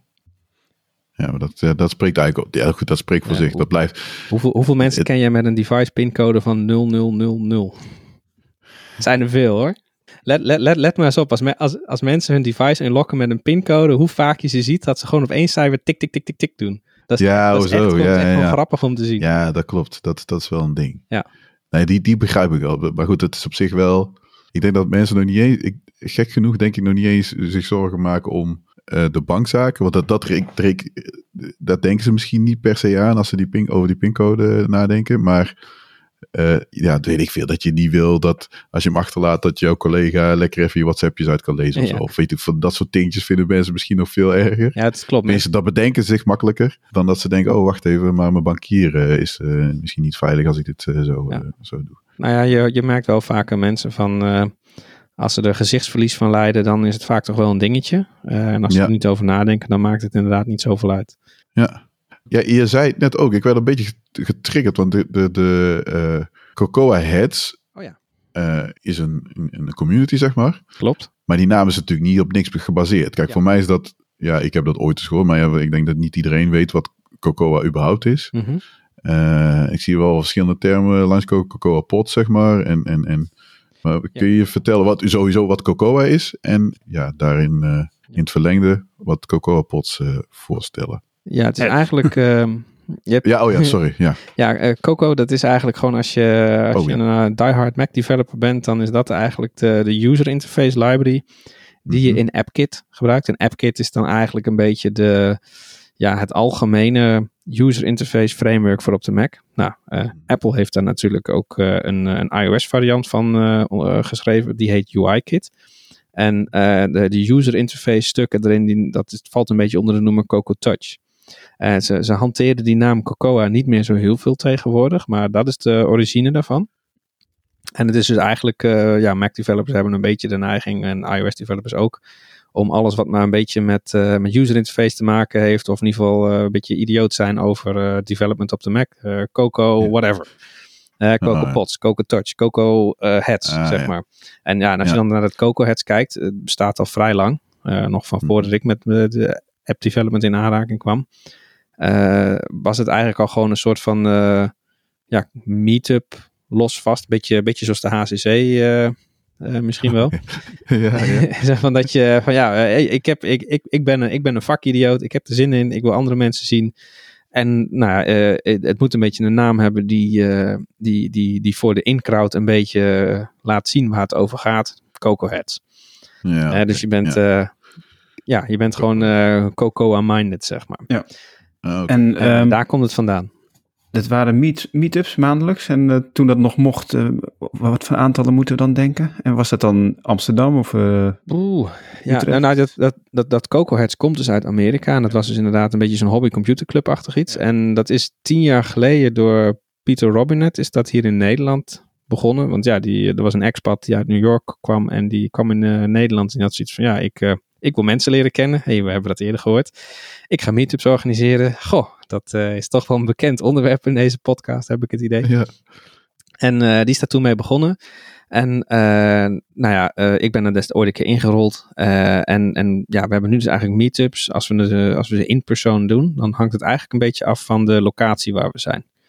Want ja, we kunnen 10 man bij elkaar krijgen, we kunnen 30 man bij elkaar krijgen, we kunnen 150 man bij elkaar krijgen. Mhm. Want het is eh, op dit moment het bereik van, eh, in ieder geval van, van mensen met in ieder geval een, een interesse die ze aangegeven hebben. Dat zit nu ergens in de 1200 eh, mensen. Oké.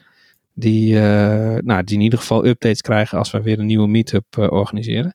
Ik moet wel zeggen, en dat heeft volgens mij elke, elke meetup groep heeft dat. Het is hetgene waar we eigenlijk het meeste tegen aan het knokken zijn, is het terugdringen van het aantal no-shows. Want er is echt niks zo bloedirritant dat je voor 40 mensen eten hebt en daar dan vervolgens met 20 man in dat zaaltje staat, Ja, zeg maar. En dat, dat, klopt, is, ja. Dat, ja, ik bedoel, dat is, ja, daar, daar, daar, daar loop ik me echt om op te vreten. En ja, en om altijd eten zelf in een tasje mee naar huis te nemen, ja, dan eet je drie weken lang hetzelfde, zeg maar. Ja, dat wil je ook niet. Ja, je wil gewoon dat mensen komen, uh, of in ieder geval tijdig aangeven dat ze niet komen. Dus uh, no maar, ja, uh, maar over het algemeen, een meetup van Coco Heads is zo'n zo'n zo 30 tot 50 mensen meestal. Oké. Okay. dat, en dat ja, ligt aan de locatie. Want wat we doen is eigenlijk, ja, we, we lopen eigenlijk gewoon alle bedrijven die iets met, uh, met Mac of iOS development doen, uh, die zijn welkom. Mm -hmm. En die bieden dan uh, eigenlijk gewoon hun, hun kantoor aan. Daar gaan we naartoe. er wordt eten en drinken geregeld. En wij regelen één spreker. En de, de locatie die, die regelt de andere spreker. Want ja, die hebben natuurlijk ook een belang bij dat al die mensen binnen zijn. Die willen gewoon, ja. die willen gewoon contact krijgen Ja. met, Ja. met potentiële nieuwe medewerkers of inhuur. Ja, duidelijk. Oké. Ja. Grappig.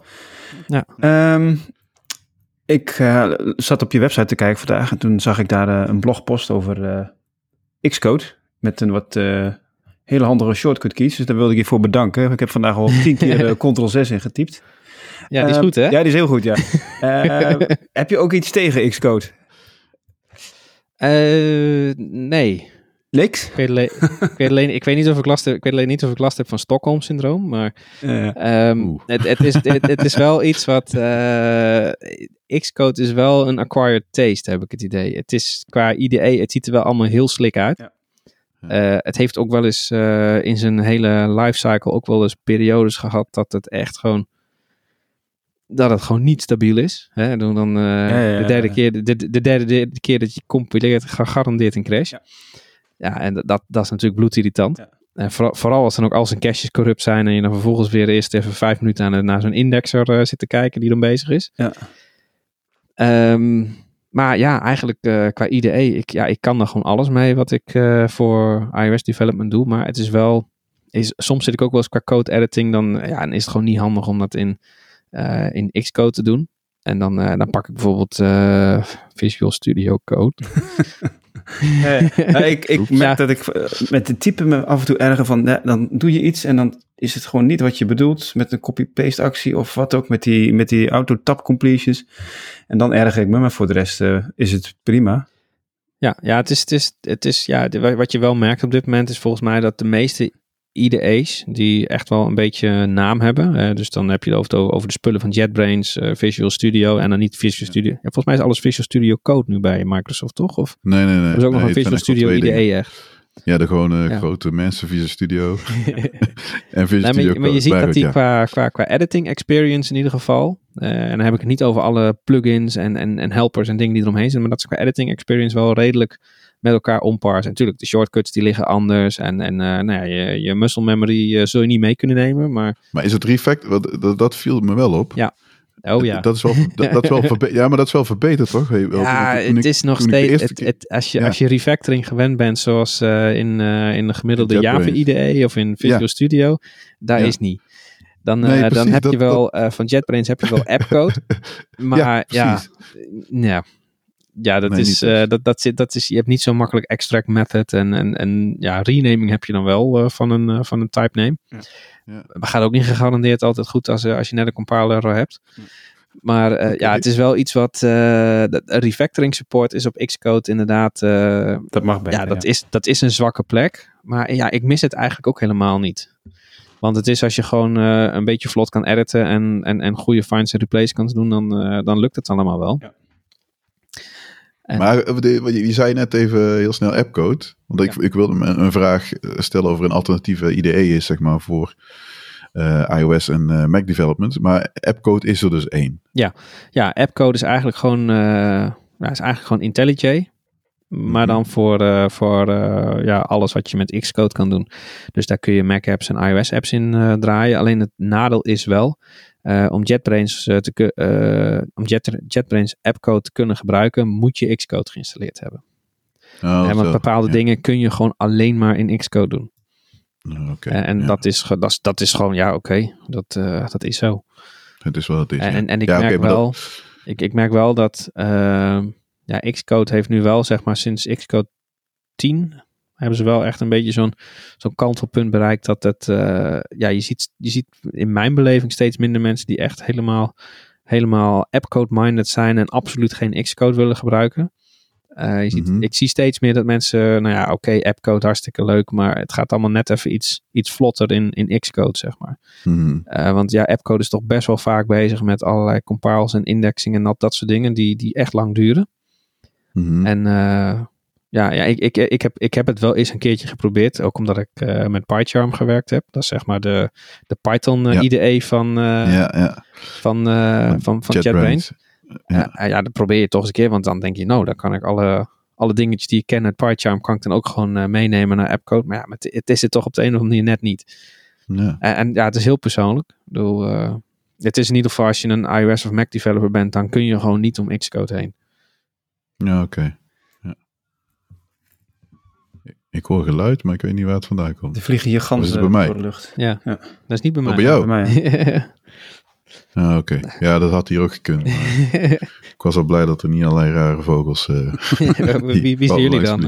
rare vogel. oh ja, dat, dat, dat is meer ook, ook een beetje met mijn .NET pad. Maar goed, er zijn alternatieven en die ken ik niet allemaal. Maar uh, je hebt vast van Xamarin gehoord. Ja. ja hoe, hoe wordt daar tegenaan gekeken? Dus vanaf ja, de native developer of de, ja, met Xcode. Uh, want ja, ik, ik, dus ik zie dat vanaf ja, de andere kant van .NET en, en uh, Michael de Casa, zeg maar, die de, de oprichter uh, is van Xamarin, is op zich wel een slimme vent. Mm. Die ook gewoon trouwens ook af en toe ook is in gewoon Swift developed. Maar hoe, hoe wordt daar tegenaan gekeken? Is dat ja, heel gek? Ja, is dat... um, poeh. Uh, ja, als je Xamarin Development is echt anders dan, uh, mm-hmm. dan, ja. als je, dan als je zeg maar native uh, Xcode of eigenlijk iOS Development doet. Um, en, je, en, je, hebt eigenlijk twee soorten reacties die mensen geven. Je hebt echt mensen die uh, Xamarin, pff, loser. De, ja. doe, doe het gewoon echt, weet je wel. Doe het, doe niet nep.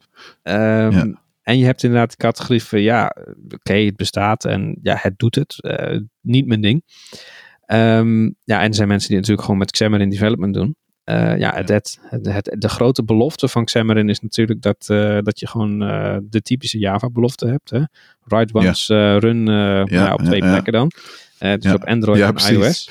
Ja, ja en dat, dat klopt. Maar als je in Xamarin een app wil schrijven die op iOS echt gewoon een goede iOS-app is en op Android echt een goede Android-app is, ja, dan kun je eigenlijk net zo goed die beide apps gewoon uh, los van elkaar schrijven. Want de hoeveelheid effort die je moet doen om het uh, op beide platformen echt gewoon goed te laten werken. En ook dat iemand uh, in zo'n app zit en ook echt zegt van, wat is dit dan? Maar dat het echt gewoon voelt als een, als een goede app. Ja, dat, is net, dat kost gewoon net zoveel tijd. dus als je, als je gewoon twee codebases hebt en je, je gaat er gewoon volle bak op, dan denk ik dat je gewoon ja, minstens net zo snel kan zijn als met Xamarin, zo niet sneller. En dat heeft er vooral mee te maken dat je met Xamarin, als je wat uh, dingen wil doen die, die dus niet zo direct supported zijn door Xamarin, ja, dan moet je zelf, uh, ik geloof dat het bridges of zo heet, dat je die moet schrijven, maar dan moet je dus eigenlijk gewoon stukjes, uh, stukjes ja, platform native dingen gaan schrijven om ervoor te zorgen dat je dat kan exposen binnen Xamarin. Oh ja, zo, ik snap het al. Ja, en ja. dan, ja, en, en daar, daar, dat hoor je wel, als dat aan de orde komt, ja, dan, uh, dan, ben je dan ben je eigenlijk af. Want dan, dan, wordt het, ja, ja. dan wordt het voor de meeste developers wordt het toch wel dusdanig ingewikkeld dat het niet even iets is wat, uh, wat er zo even bij gedaan wordt. Ja, het is weer die, die, die 80%, 20%. Ja. Dus voor, voor 80% kan het best wel fitten. Maar als je dan die 20% zeg maar, nog wil bereiken, dan kost het weer nou, 80%. En onderhoud en uh, nieuwe versies. Een, een, typische, ja. een, een, typische use case waar ik denk dat Xamarin heel erg goed geschikt zou zijn, is inderdaad gewoon voor die, uh, voor die in-house applicatie. Hè? Gewoon uh, dat ja. eigenlijk het, het correct functioneren, dat dat belangrijker is van dan, dan dat het echt gewoon helemaal op een top uh, ja. goed smoelt in, in, in de App Store ja, of in de Play Store. Uh, en, en dan heb je echt wel winst van uh, zoiets als Xamarin. Want dan kun je inderdaad snel gewoon inderdaad een in-house app eruit pompen. Die gewoon in ieder geval op veel devices kan draaien. En die ook redelijk eenduidig werkt bij de, bij de platformen.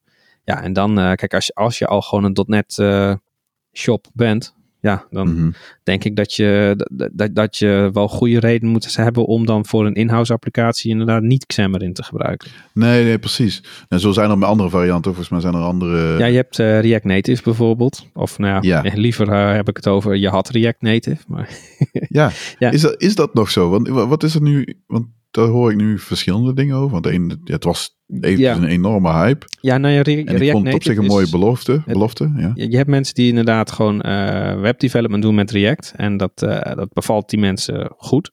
En dat snap ik, want uh, ja, een, een webapplicatie, ook al is het een single-page applicatie, dat leent zich heel goed voor, voor een reactive manier van programmeren. Mm -hmm. nou, misschien een beetje lastig om daar nu een beetje te diepte in te gaan. Maar het komt eigenlijk. het, het, komt erop neer dat dat gewoon een bepaalde manier van software ontwikkelen is. Mhm. En um, uh, ja, als een single page webapplicatie uh, past binnen je doelstellingen, dan is React heel erg mooi.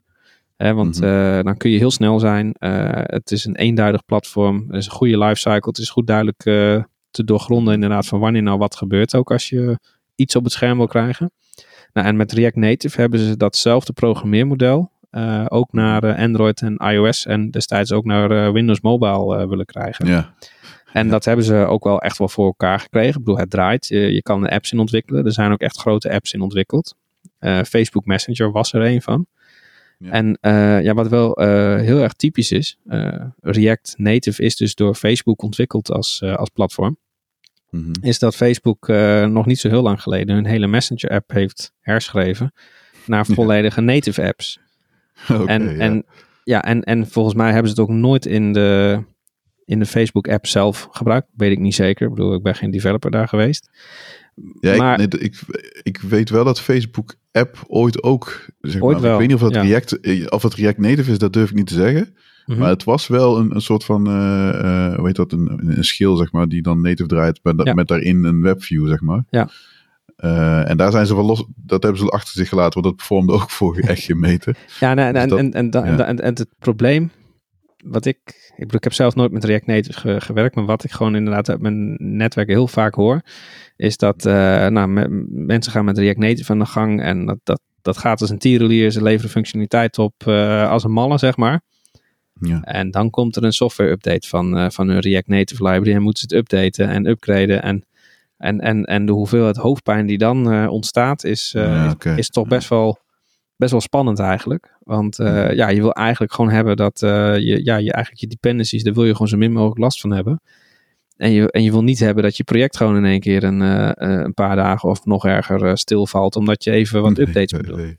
Ja, en, en dat is dus echt, uh, dat heb ik al meerdere malen zien gebeuren, dat het met React Native, dat, er, dat ze dusdanig breaking changes ook in een API maakten, dat het gewoon niet even meer bij te komen was. Mm -hmm. Ja, en ja, het, het, het voordeel van React Native is dat je het in JavaScript kan doen. Ja. Uh, nou ja, nadeel is, is natuurlijk ook weer gelijk ja. dat het JavaScript is, volgens sommige ja, mensen. Ik bedoel, ja, ja, ik ken JavaScript niet goed genoeg om te zeggen van, nou, uh, poe. Ja. Ik heb ook wel eens iemand horen zeggen van ja, JavaScript, dat is eigenlijk gewoon, uh, gewoon, gewoon, gewoon Lisp met een rare syntax als je het op de goede manier gebruikt. Ik weet ook niet waar die vandaan kwam. Nou ja, dat is niet helemaal uh, gek, zeg maar. Ja, dat, ja nou, dat, dat is niet helemaal uh, raar. Ja, nee, klopt. Ja, nee, want, en want, ja wat je dus wel met React Native merkt, is dat het gewoon, ja je moet er wel de mensen voor kunnen vinden. En dat geldt eigenlijk voor elk cross-platform development. Je, je moet niet alleen de, het platform kennen waar je mee werkt, maar je moet ook de onderliggende platformen, iOS en Android, tot, toch wel tot op een zekere hoogte snappen en kunnen. Mm -hmm. uh, om, ja. om inderdaad gewoon zeker te zijn dat je, dat je dingen echt klaar krijgt ermee. Ja. Ja, dat is uh, wel. Uh, en, en het schijnt ding. volgens mij wel makkelijk te zijn om React Native op Android te gebruiken dan op, uh, dan op iOS. Omdat, uh, nou ja, iOS dan, uh, dan gaat het wat vaker stuk, zeg maar, in de stack. Oké. Okay. nou, oké. Okay. Okay. Ja, ik, ik, ik, denk dat het wel duidelijk is dat ik zelf niet heel erg fan ben van, uh, van cross-platform. Uh, nou, maar ik begrijp, ik begrijp dat op zich wel hoor. Want het is mijn, dat is mijn mm, ja, mening. Het is een Xamarin. Uh, ik ben zelf geen, want ik, ik vond het wel, wel cool van, oh cool, tof. Even kijken wat, wat het nou is. En toen had ik zoiets van, ja, dan dan ga je nooit de echte native experience erin krijgen. Want dat is natuurlijk de kwaliteit van wat dat platform biedt. Dus wat Xamarin gaat aanbieden. En de concepten die je uh, in, jouw, in, in C-Sharp of uh, ja, volgens mij kunt uh, programmeren. Hoe goed zijn die doorvertaald naar iOS en welke functionaliteit van iOS kun je gebruiken. Dus dat telt mee. En ik had als iets van, nou ja, weet je, uh, haal ergens twee hele goede ontwikkelaars. De ene is heel goed in, in, in uh, is eigenlijk een beetje wat jij ook zegt, in iOS development, eentje is heel goed in Android development. En laat die dat doen, zeg maar. En dan heel, een aantal argumenten die je dan krijgt van ja, maar dan kun je geen code delen. En dan wordt gezegd van ja, maar dan heb je bepaalde business code die je dan wil delen over die twee platforms heen. Nou, Terwijl ik denk, wel. ja, maar hoezo? nou ja, de, de, de, de, tuurlijk zou dat kunnen. Maar ik denk, maar welke business code wil ik dan in die app? Stel dat ik dus een API heb en daar de business uh, uh, app, uh, app, draaien. Ja, want dat is inderdaad. Regels. Wat je daar zegt ja? is wel een punt, inderdaad. Want je hoort inderdaad mensen, ja, maar ik wil mijn code delen en zo. Maar de meeste, ja, de meeste, meeste, uh, meeste apps, zeg maar, op Android en Mhm. iOS. Ja, die, die ontlenen het grootste deel van hun waarde toch eigenlijk ook wel aan de backend waar ze Ja, daar zit de meeste Ja, business precies. logic. Ja.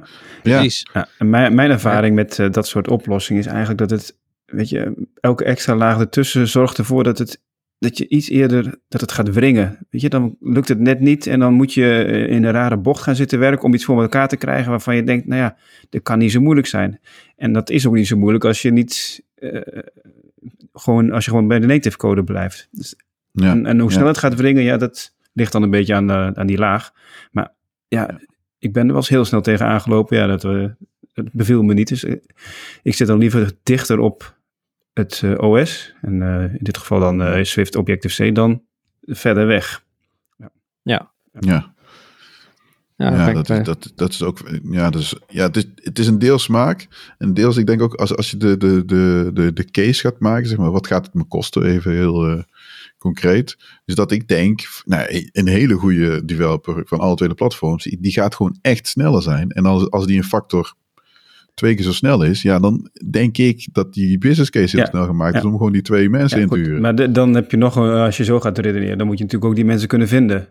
En, eh, en dat is ook, ja, wie, wie, Ja, maar goed, Ah, maar, maar kijk, maar, maar wat is er- maar wie, weet, je- vind je, wie vind je makkelijker? Ja, dat weet ik De Xamarin developer of de native developers? Ja, en- ik, en- ik denk en- dat er minder Xamarin developers zijn dan de native developers. En, en daarbij, wat is, eh, zeker als je snel wil zijn, ehm, moet je dan eigenlijk wel willen dat je twee apps tegelijkertijd ontwikkelt? Kun je dan niet beter die twee developers op of Android of iOS zetten? Dat die dan eerst gewoon, eh, je gaat gewoon eerst MVP en halen. wat en ga dat je dan als eerste doen? Eh, iOS. Ja. Daar, eh, ja, dat is heel simpel. De meeste bedrijven kiezen dan iOS. Ja, ja. En de reden daarvoor is dat, eh, ja, eh, het schijnt dat iOS-gebruikers eh, ja, de, de euro's gewoon iets losser in de portemonnee hebben zitten. En dat heeft, Ja, en dat heeft niet bedoel- zozeer ja. te maken met, eh, met, eh, met, met, met, ehm, met koopkracht en dat soort dingen. En niet gewoon zozeer van het inkomen letterlijk van de persoon. Eh, maar meer met het gemak waarop je eh, op iOS. ja, je geeft, je geeft iets makkelijker geld op iOS uit dan op, dan op Android. En ik, ik weet niet Ja. waarom dat is. Want eh, je, hebt, je hebt mensen die zweren bij Android. En eh, nou ja, die wonen in de kast van huis. En die denk je echt van ja, wat loop je nou moeilijk te doen over een appje van 1 euro. En eh, ja, eh, terwijl bij, ja, bij iOS zie je toch echt mensen die hebben echt, ik weet niet wat voor apps hebben ze allemaal uit de App Store staan. Ja. Die, waar ze ooit een keer wat voor betaald hebben. En dan denk ik echt van ja. Eh, en, Ja, want het, want het, feit blijft wel dat ja, eh, eh, het aantal iOS-devices ten opzichte van, van Android-devices die in het wild leven, zeg maar. Ja, er, er zijn gewoon echt wel minder iPhones dan Android-toestellen. Elk, elk jaar worden er minder Android, oh, sorry, worden er minder iOS-devices verkocht dan Android-devices. Ja, dat is, ja. maar de- ja. En Ja, ik begrijp het ook. Ja, want het, daar waren ook wel meer van die verbazing. eh, weet- Tenminste, dat dit, dit zijn wel hele oude cijfers. Maar als we bijvoorbeeld gingen kijken naar, eh, eh, hoe heet dat? Als je op een op webserver ging kijken van wat, waar komen de hits vandaan, dat er dan veel meer iOS devices zeg maar aanklopte dan Android devi- devices. Terwijl Android was er in absolute nummers veel, waren er veel meer van. Dus dat was, ja, ja dat, dus ik kon dat niet verklaren. Ik heb er toen ook geen verklaring voor gekregen. Maar dat, dat, daar zit dus echt wel ander gedrag op, dat, op, op Android als op iOS. Nou weet ik niet hoe dat nu is hoor. Ik bedoel, eh, Ja, nou ja, kijk, het is, het is op zich wel iemand die gewoon de, de, de flagship phone van, van Samsung koopt. ja, ja. Ik denk dat je die wel redelijk kan gebruiken, eh, vergelijken met de persoon die de Ja, flagship klopt. phone van Apple koopt. Ja. Je hebt alleen wat minder keuze bij Apple natuurlijk. Alhoewel, je kan nu kiezen tussen een mini, normaal en pro geloof ik. En ook nog weer... ja, en een Max. Ja, ja precies. Ja, en, en eh, dus je, hebt, je kan nu uit vier dingen kiezen, woehoe, en wat kleurtjes. Eh, maar bij, bij, bij Android is het ook gewoon, eh, ja, daar heb je, daar heb je Samsung en wat is nog meer de grote op dit moment? Ja, volgens mij L, ja, LG, ik weet niet hoe groot die zijn. Ja, ja Huawei was heel groot, maar dat was echt helemaal ingekakt natuurlijk nu. Ja, door die... Ja, door, door, door, een of andere oranje vent. Hoe heet het? Ja, precies. uh, OneNote, uh, nee, de One Plus, nee, hoe heet het ding? One Plus 2, ja, de, de whatever. HTC? De, de, die van, nee, niet HTC, het is een Chinees merk. Oppo oh, is het moedermerk. Ja, ja. En uh, voor de Europese markt hebben ze de OnePlus nog iets. Ja, nog wat. OnePlus nog wat. Ja, het zijn net, van, dat is, zeg maar... het zijn net van die codes die ook achter op, uh, op dure auto's staan. Dat je echt denkt, uh, ja, precies, ik, bedoel, ik, ik, zie hier 640 staan, maar er zit niet de 6,4 liter in. Hoe zit dat nou? Nee, precies, ja. nee, maar goed, maar die was in eerste instantie was die toen, die, die was de prijsprestatie was heel, heel erg goed, zeg maar. Maar je ziet dus, dat vind ik wel grappig. Ja, goed, dat is even niet uh, per se uh, developer inhoudelijk, maar dat, je merkt dat er heel veel kritiek iedere keer is op iOS of Apple uh, producten. Maar dat dan uiteindelijk binnen een half jaar of een jaar dat andere merken dezelfde dingen overnemen. Ja. Dus dat, dat wordt. Uh, ah. nou ja, de Touch ID was, dat was anders, maar de, de, de, hoe heet dat ding? De Notch, zeg maar, is overgenomen. Uh, nou, eigenlijk al, kijk, hele touchscherm is natuurlijk ook hoe dat nu, ja, dat Apple met de iPhone als eerste was en dat de anderen het overnamen. Dus dat, uh, uh, ja, dat, dat vind ik dan wel weer opvallend. Dat had wel een beetje allemaal een beetje, ja, geklaagd wordt over Apple. Maar anderen nemen het ook over gewoon. Dus ja, ik vind is, eigenlijk wel... die hele strijd niet zo interessant. Ik zit, ik zit nee. prima in mijn, in mijn ecosysteem. En, uh, ja, wat je, wat, ja. wat je wel ziet met, uh, tenminste dat, dat, dat merk ik uit mijn omgeving in ieder geval, is dat, dat je nu steeds meer hoort van, uh, ja, weet je, mijn mijn, mijn iPhone, uh, mijn iPhone 11 of mijn iPhone 10, die is nog goed genoeg. ik ik ja. hoef die 12 niet. Ik wacht nog wel een jaar. Ja, de ontwikkeling van de, de, eh, dus, de, de, de, devices. Ja, de, ja, wat is nou nog... Hoe nieuw en schokkend is het nieuwe en schokkende van de nieuwe iPhones? Ja, ja. Het, het, het, het, grootste nieuws van de iPhone dit jaar is dat er een iets kleinere versie is. Ja. Ja. En, en verder... En verder, ja, hij is sneller en betere camera, maar dat, ja, ja. Hoe, hoe, hoe goede camera moet je hebben uiteindelijk? Ja, het, is voor mij. Dus, ik deed eerst ieder, iedere twee jaar update, upgrade ik. Ja. Maar dat, dit, ja, ik heb nu een iPhone uh, X, de iPhone 10. Ja. En ja, dat ding was, dat was sowieso volgens mij uh, in één keer een veel duurdere telefoon. Want ik had ook die, de, ja goed, de, de, die 256, 256 gigabyte. Ja. Dat ding was echt belachelijk duur. Want had ik altijd, had ik allemaal zoiets van, oké, okay, ja, misschien is... dat ik met deze iets langer ga doen. Uh, en ik zie eigenlijk nu ik de, de nieuwe, ja, los van het, het design is wat anders, heb ik niet zoiets van, oké, ik moet nu per se de nieuwe hebben. Dat heb ik echt al eigenlijk, ja, ja dat heb ik gewoon niet meer sinds een jaartje of twee, drie. Komt het nou omdat we kinderen hebben? Of? Nou, ik heb dat heel lang niet. Nee. Maar goed, dat... Uh... nee, ja, ik, had, ik, ik, had voorheen... Wat, wat ik ook merk is, als ik een Xcode test, dan kies ik gewoon de kleinste oude telefoon en, uh, in mijn simulator. Want uh, als het daarop past, dan, dan heb ik in ieder geval ruimte genoeg. ja, ja, dat is waar. Ja, dat, dat, wordt nog wel een dingetje op, die, uh, op de iPhone mini. Want uh, die, die, die schaalt eigenlijk alles wat, er, wat op een iPhone 12 getoond wordt. Op een iPhone 12 mini wordt het allemaal gewoon allemaal iets kleiner weergegeven. Oh, dus dan moet je... Dus dat wordt, oh, dat wordt voor de leesbaarheid wordt dat nog wel een usability dingetje, denk ik. Oh, dat is, Want het is heel typisch. Wie, wie kopen over het algemeen de, de, de kleinere toestellen? ja, met de... zonder, dan ja. zonder gelijk weer te, te, stereotyperen. Want ik weet dat we het over community guidelines en zo gehad hebben op deze podcast. Maar het is toch, uh, ja, ja uh, toch de kleinere toestellen worden toch vaak door, door dames en door oudere mensen gekocht. En waarom is dat? Ja, het, het, het, zo'n enorme roeispaan, ja, die past niet in je broekzak. Want nee, ik, weet niet, uh, ik weet niet of je het wel eens vergeleken hebt, hoe groot een broekzak van een herenbroek is vergeleken met die van een damesbroek. Het is echt belachelijk. Ja. dat past bij mij, eh, in mijn broekzak past gewoon vier keer zoveel als dat bij, me, bij mijn vrouw in de broekzak. En wat, wat, wat wel grappig was, zeg maar, toen de iPhone, was toen een trend. Dus al die telefoons werden groter en Apple die bleef maar hangen op, uh, ik weet niet, rond de 6 of zo. Die was allemaal, allemaal wat kleiner. Ja. En toen kreeg je in één keer de 6 is dat de 6 Plus of de 6S Plus? Weet ik veel, de, de, de grote. Ja, dat had je op een gegeven moment de Pro en de Pro Max. En eh, dat je echt denkt van, wat zijn nee, dat voor namen, joh? Dat je echt denkt ja. van, wat? maar het werd echt groter en dat was echt een, werd een soort van statussymbool. Je zag dus juist een vrouw, want je zegt ook van vrouwen kleiner, maar die, de vrouwen, die, ja, die liep altijd met zo'n hele grote, zeg maar. Ja. Uh, liepen ze, ja.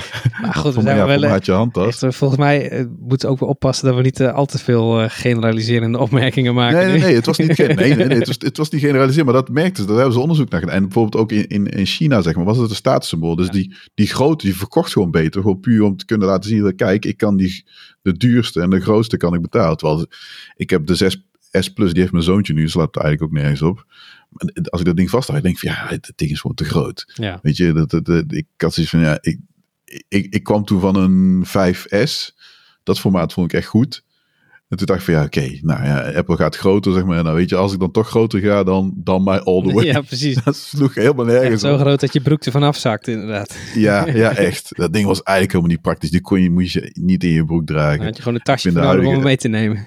Ja, ik vind de iPhone 10 die ik nu heb, dat vind ik op zich een, eh, een goede, goede grootte. Uh, ik moet alleen uit mijn hoofd praten dat ik uh, niet de Pro Max, of whatever, hoe dat ding ook heet, ga kopen. Omdat dat ding een iets betere camera heeft. En dan, je zei net van ja, wat maakt die camera uit? Maar ja, goed. Ik maak best, weet je, de kinderen maken wat foto's van. Ja, iPhone-camera is, is, de, is de meest gebruikte camera in de wereld, hè? Ja, ja, dat, is klopt, echt bizar. Ja. Dat, uh... ja. Dus dat is echt wel, uh, wel grappig, ja. Uh, eens even kijken. Dus, uh, Want, ik weet niet of wij nog andere vragen willen stellen. Heb jij nog iets, Ben? Nee, ik heb, denk dat we een leuke overview hebben gehad over iPhone-ecosysteem en ontwikkeling. We kunnen wel, nou ja, laten we dat niet doen, de diepte ingaan op, op patterns of wat ook. Tijd voor een rant, of niet? Ja, oh, dat is een hele oh goeie. Oh jee. Saber. Heb ik, daar, ik, heb geen, ik heb geen mooie uh, rant jingle. Oh ja, ja, ja dat is een nieuw onderdeel. Ja, dat is een nieuw onderdeel, ja. Ik heb, ik, ik heb gewoon geen... Nee, geen jingle? Geen nou, goede... Nee. nee. geen goede. Die airhorn, deze, nee, nee. die... Uh, dat is geen rant. Die is niet goed, hè? Nou ja, je kunt wel aankondigen. Uh, rant. Ik heb uh, niet zelf eentje, volgens mij hebben we er zelf geen uh, gevonden. ik zag wel dat Jeroen een tweet aanhaalde van Emily Kager. Kager? oh, die. KG. KG zou ja, die gaat in de show notes. Ja, Engels. Kager, ja. ik zag haar zelf sowieso al een aantal keer langskomen. En, en ze had dit ging over, je moet me even corrigeren, want het ging over een, uh, een TikTok-video. Ja, die wordt alweer gepost op Twitter. Nou goed, ingewikkeld. Uh, en daar, daarin speelt ze een soort van job-interview van ja, een, een, arts of een chirurg. Die wordt ja, dan ondervraagd. En dan vragen ze ook van, hé, hey, maar... Ja, opereer je ook ja, in je vrije tijd? Opereer je ook in je vrije tijd? en dat die ander denkt, hè, hoezo? Hè? En dat een beetje om te vergelijken met hey, waar developers dan om gevraagd worden. Van hey, uh, hoe zit het nou? Waarom word je dan, uh, waarom werk je niet, uh, doe je ook in je vrije tijd nog werken, zeg maar, gratis en voor niks. Nou, dat, dat zei jij ook van ja, ik, ik ging ook die, die, die replies, zeg maar, even checken. Een aantal waren gewoon, denk ik, oké. Okay, dat, ja, die waren on topic, zeg maar. Ja, nou ja, er er ook op, degene die ik zag was ook van, nou ja, hoezo? Uh, de vergelijking is niet helemaal oké. Okay. Dat was al een beetje man mansplaining, werd het al een beetje. Toen dacht ik, ja, oké. Okay. Uh, nou, van allerlei dingetjes. Maar ik weet niet welke dingen jou opvielen. Uh, nou ja, wat, wat, wat, wat me vooral inderdaad opviel, was dat inderdaad alles werd gelijk weer ontkracht van, ja, dat is niet zo. En inderdaad, wat je al zei, mansplaining inderdaad, dat je echt denkt van, ja. gast, ben ja. je dom of doe je dom? Ja, precies. En want uh, iemand die reageerde dan ook weer van ja, uh, vervang die arts maar gewoon met, uh, met elk willekeurig ander beroep. En het klinkt nog steeds net zo belachelijk. Hè? Ik bedoel, ja. een timmerman ja. die zit ook niet in zijn vrije tijd te timmeren, zeg maar. Ja. en, ja. en, en, want het hele, het, hele, het hele idee van die video van die dame was dat, je, dat het eigenlijk best wel raar is als je een software developer bent. Dat dat dan eigenlijk ook gewoon het enige en het alles is wat je doet. Want uh, dat het eigenlijk, want je ziet het best vaak dat inderdaad software developers, wat hebben die als hobby? Software development. Ja, die, ja. Ja, terwijl, ja. terwijl heel veel andere mensen, die hebben, een, uh, ja, die hebben wel een hobby naast hun werk, uh, was dan eigenlijk het punt van die video. Dus waarom zouden software developers dan dat niet mogen hebben? Ja. Nee, want wat, uh, dat is natuurlijk ook een beetje de Amerikaanse cultuur, denk ik dan. Hè? Want uh, daar werk je en dan, uh, dan werk je gewoon helemaal het schompus. want oh jee, als je ja. je baan kwijtraakt misschien of zo. Ja, ja. Maar ja, dan, dan, dan, dan, als je, je zou dan volgens blijkbaar sommige partijen geen goede softwareontwikkelaar zijn als je daar niet 80 uur per week mee bezig bent. Ja. En dat, uh, dat was een beetje het punt ja. dat gemaakt werd. Maar het ging in die hele comment thread ging het gelijk over zoveel andere dingen. Ja, nou goed. En, ja, maar ze, ze, ze, ze maakt er een grap over. Ja. En, en mensen namen het gewoon echt serieus. En ja. denk je, oké. ja, maar, ja, maar ook gewoon van, ik kreeg ook, ook één kritiekpunt was ook van, uh, ja, van, ja, van, ja, waarom doe je dan zo'n filmpje? En uh, waarom doe je dat dan gewoon met een decolleté en dat ik je BH kan zien? ik denk van, ja. weet je, als zij, als zij dat aan wil en bedoel, ik, ik weet niet. Ik, ja. Als je, ja, ik, ik, het is heel raar dat je echt denkt van, uh, kijk, als ik gewoon inderdaad gewoon een iets te diep decolletéetje in mijn shirt zou hebben, dan, nou, volgens mij als man ja. kun je dat niet hebben, geloof ik. Maar nou, in ieder geval, als je in ieder geval zo'n fitness shirtje aan hebt, dat je gewoon iets te veel uh, uh, borsthaar kan zien, zeg maar. ja. Ja, daar, daar, zal, daar, zal op, op daar zal niemand op reageren dan. Hè? En, en, en dan omdat je dan, uh, omdat je dan een vrouw bent en omdat je, oh jee, het komt in de buurt van dat er iets boezem misschien in beeld zou kunnen zijn, ja. is het gelijk een issue. En, ah, man, ik, en ook een beetje aansluitend op wat er al eerder in de podcast uh, gezegd wordt, had ik echt wel zoiets van, ja, dit is weer echt typisch zo'n voorbeeldje, weet je wel. Ja, ik, uh, ja, want het is, ik browse nu een beetje door die commentaren heen. Ja, dat slaat gewoon helemaal nergens op. Maar ik, ja, ja, het is echt, maar ook, ook, ook, ook echt binnen twee minuten ook gewoon dat het gelijk die kant op gaat. Dat je echt denkt van, hoe dan? Ja. Ik bedoel... Ja, maar goed. En, en, en, en ja, het is ook wel gewoon, ja, het is het internet en uh, het is nou ja, dat is sowieso ja, het is humor branddebielen bij elkaar. Of niet? ja, het is op zich, het is, je kunt er met popcorn een keer daarnaar kijken. Ja, ik, ik, ik raak dan wel getriggerd soms. Ik ja. had bijna een reactie gestuurd, maar dat ding was al een paar dagen geleden of zo. Of wat, had je willen typen dan? Is het nog relevant? Nou nee, dat was één Nederlandse, dus die, die zei dus dat haar collega's iets hadden gezegd van ja, als ik... Uh, uh, als man zijnde weet ik ook iets over die decolleté. Van ja, oh, ja, als ik die kleren zou dragen, weet ik veel. Ik weet, een raar comment. En toen wilde ik nog zeggen. En dat is serieus zo. Toen dacht ik, ja, weet je, dat komt niet geloofwaardig over. Laat, maar, laat ja. maar zitten. Maar ik had dus echt serieus, dat klinkt heel stom, misschien, maar ik had heel die decolleté nog niet door. Daar stonden allemaal tekstjes, zeg maar. Dus van, ja, ja, ja, ik zat te lezen, ik had niet eens gezien. Dus ik zat echt serieus te lezen. En ik had haar tweet gelezen. Toen dacht ik, huh? oké. Okay. Dus ik ging nog, ik had het filmpje echt, denk ik, vier of vijf keer gezien. Serie, serieus. Ja, maar dat je echt denkt van, valt mensen dat op? ja, en toen ging ik kijken en ik, oh ja. Maar dat was echt, nou ja, goed, blijkbaar. En, en als het je dan opvalt, hoezo moet je er dan een heel ding van? Maar goed. Ja, wij doen het nu ook weer, hè? Heb je het door? Ja, ja. inderdaad. Ja, nee, maar dat, het is, dat is ja, maar het, het, het, het, het, is ook wel, het is wel zo van, ja, als man kun je inderdaad gewoon, hè, je, je kan je sweater aandoen en een uh, spijkerbroek en je gaat lekker op kantoor uh, aan je bureau zitten.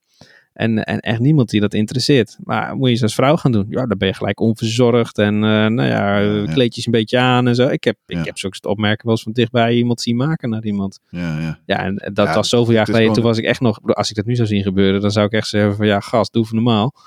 Ja. Maar dat, nee, dat, de, gelukkig, er veranderen stap voor stap ja, veranderen er wel dingen. Ik bedoel, ja, het is dus wel, maar goed, dat hebben we in eerdere podcast ook al Ja, waar we dat niet helemaal weer uitkouwen. Hey, uh, we gaan naar de volgende sectie. Yes. Developer dilemma's. Oh, ik was er ook bang uh, voor. ja, we hebben er een, een, aantal. Je mag niet, uh, ja, je moet, je moet kiezen. Ja, het, is een, het, is twee, een, het is een binaire keuze, hè? Ja. Oké. Okay. Ja, we kunnen het erover hebben natuurlijk. Maar goed, de eerste, monolithen versus microservices. Nou moet ik eerlijk zeggen, nou ja goed, ik heb hier wel een antwoord voor, maar jij mag eerst. Ja, een monoliet neig ik dan naar. Nou, ik, ik, uh, ik vind hem lastig. Ja. Bernard? Ja, uh, it depends. Dit hebben we eerder gehad. Dit komt bekend voor. Dus, ja. ja. Klopt, ja. Ja, ik zou het ook uh, zeggen, want het is... Dat mag niet. Nee. Ik, ben niet ik ben niet van de, de, de... Omdat het de hype nu is, microservices, van oh ja, dan microservices is de betere. Er is niet de betere, zeg maar. En ja, die, ja die je kiest. En, en ik kan heel goed begrijpen, hè, want de, de argument om een monolith te nemen, ja, er zit ja, dus minder complexiteit. Het, het, het, het, grappige is wel, bedoel, want kijk, uiteindelijk als je microservice architectuur neerzet, het is wel gewoon een samenhangend geheel. En het hele geheel wat je schrijft kan niet zonder elkaar. Dus uiteindelijk, het systeem is nog steeds een monolith. Alleen hoe je het indeelt en waar het draait is misschien iets anders. Ja, maar goed, het is een... Uh, maar... Uh, microservice gaat vooral over het... Uh, uh, ja, het deployment aspect, zeg maar ook. Dus dat je los, los van elkaar kunt deployen. En, en dat het afgebakende kleine systeempjes zijn die onafhankelijk van elkaar kunnen werken. Mhm. Dus dat, dat is dan wel anders, zeg maar. Ja, dat je ook, uh, volgens mij met microservices is het ook heel belangrijk dat je infrastructuur in code uitdrukt, toch? Dat is zeg maar om het te, makkelijker te beheren, zeg maar, om- om het beheerbaar te houden, ja. Daar ga je dan wel heen. Ik bedoel, want ja, kijk, als je alles met de hand gaat deployen, ja, dat, dat werkt. Dan Binair dan nog steeds spreken van een microservice architectuur, maar dat is een ander aspect. Ik bedoel, dat sommige mensen die, die koppelen dat meteen aan Docker containers en Kubernetes, zeg maar. Of Kubernetes. Ja, je kan het ook op VM-niveau doen. Precies. Dus dat, dat, dat is iets anders, zeg maar. Dus los van, nou. Dus in die zin, ja, ik vind, er is voor allebei iets te zeggen. Je kunt binnen een, een grotere oplossing, zeg maar, weet ik veel, vijf, zes systemen. Dat kan best zijn dat één systeem monolith, een monolith is, een ander systeem microservice architectuur. Dus dat, Nou dat ja, kan gewoon, zeg maar, in eh, binnen het- verschillende domeinen. Het grappige is wel, de, de app waar ik aan werk is op zich, een app is een monolith, dat is per definitie zo. Uh, maar binnen die app hebben we wel, um, ja, op framework niveau Modules. hebben we, hebben het eigenlijk, ja, het zijn een soort modules, hebben we het wel gewoon als Ja. een soort van microframework uh, architectuur opgebouwd. Ja, ja. Zodat je Ja. dus uh, op, uh, op teamniveau en ook op functioneel niveau kun je gewoon wel uh, scheidingen leggen. En dat is op zich qua microservices en ook microframeworks is dat wel een voordeel. Dat je dus inderdaad, omdat je het zo opknipt, zeg maar, is het Ja. heel duidelijk waar de contractuele afspraken tussen, ja, tussen API's liggen. Hè, dat, is niet, dat is niet grijs. Dat is gewoon, uh, hè, je, je, gaat je, je gaat je runtime uit naar een andere runtime toe. Dus daar ligt een contract. Dus, Ja. en, en dat is gewoon de API.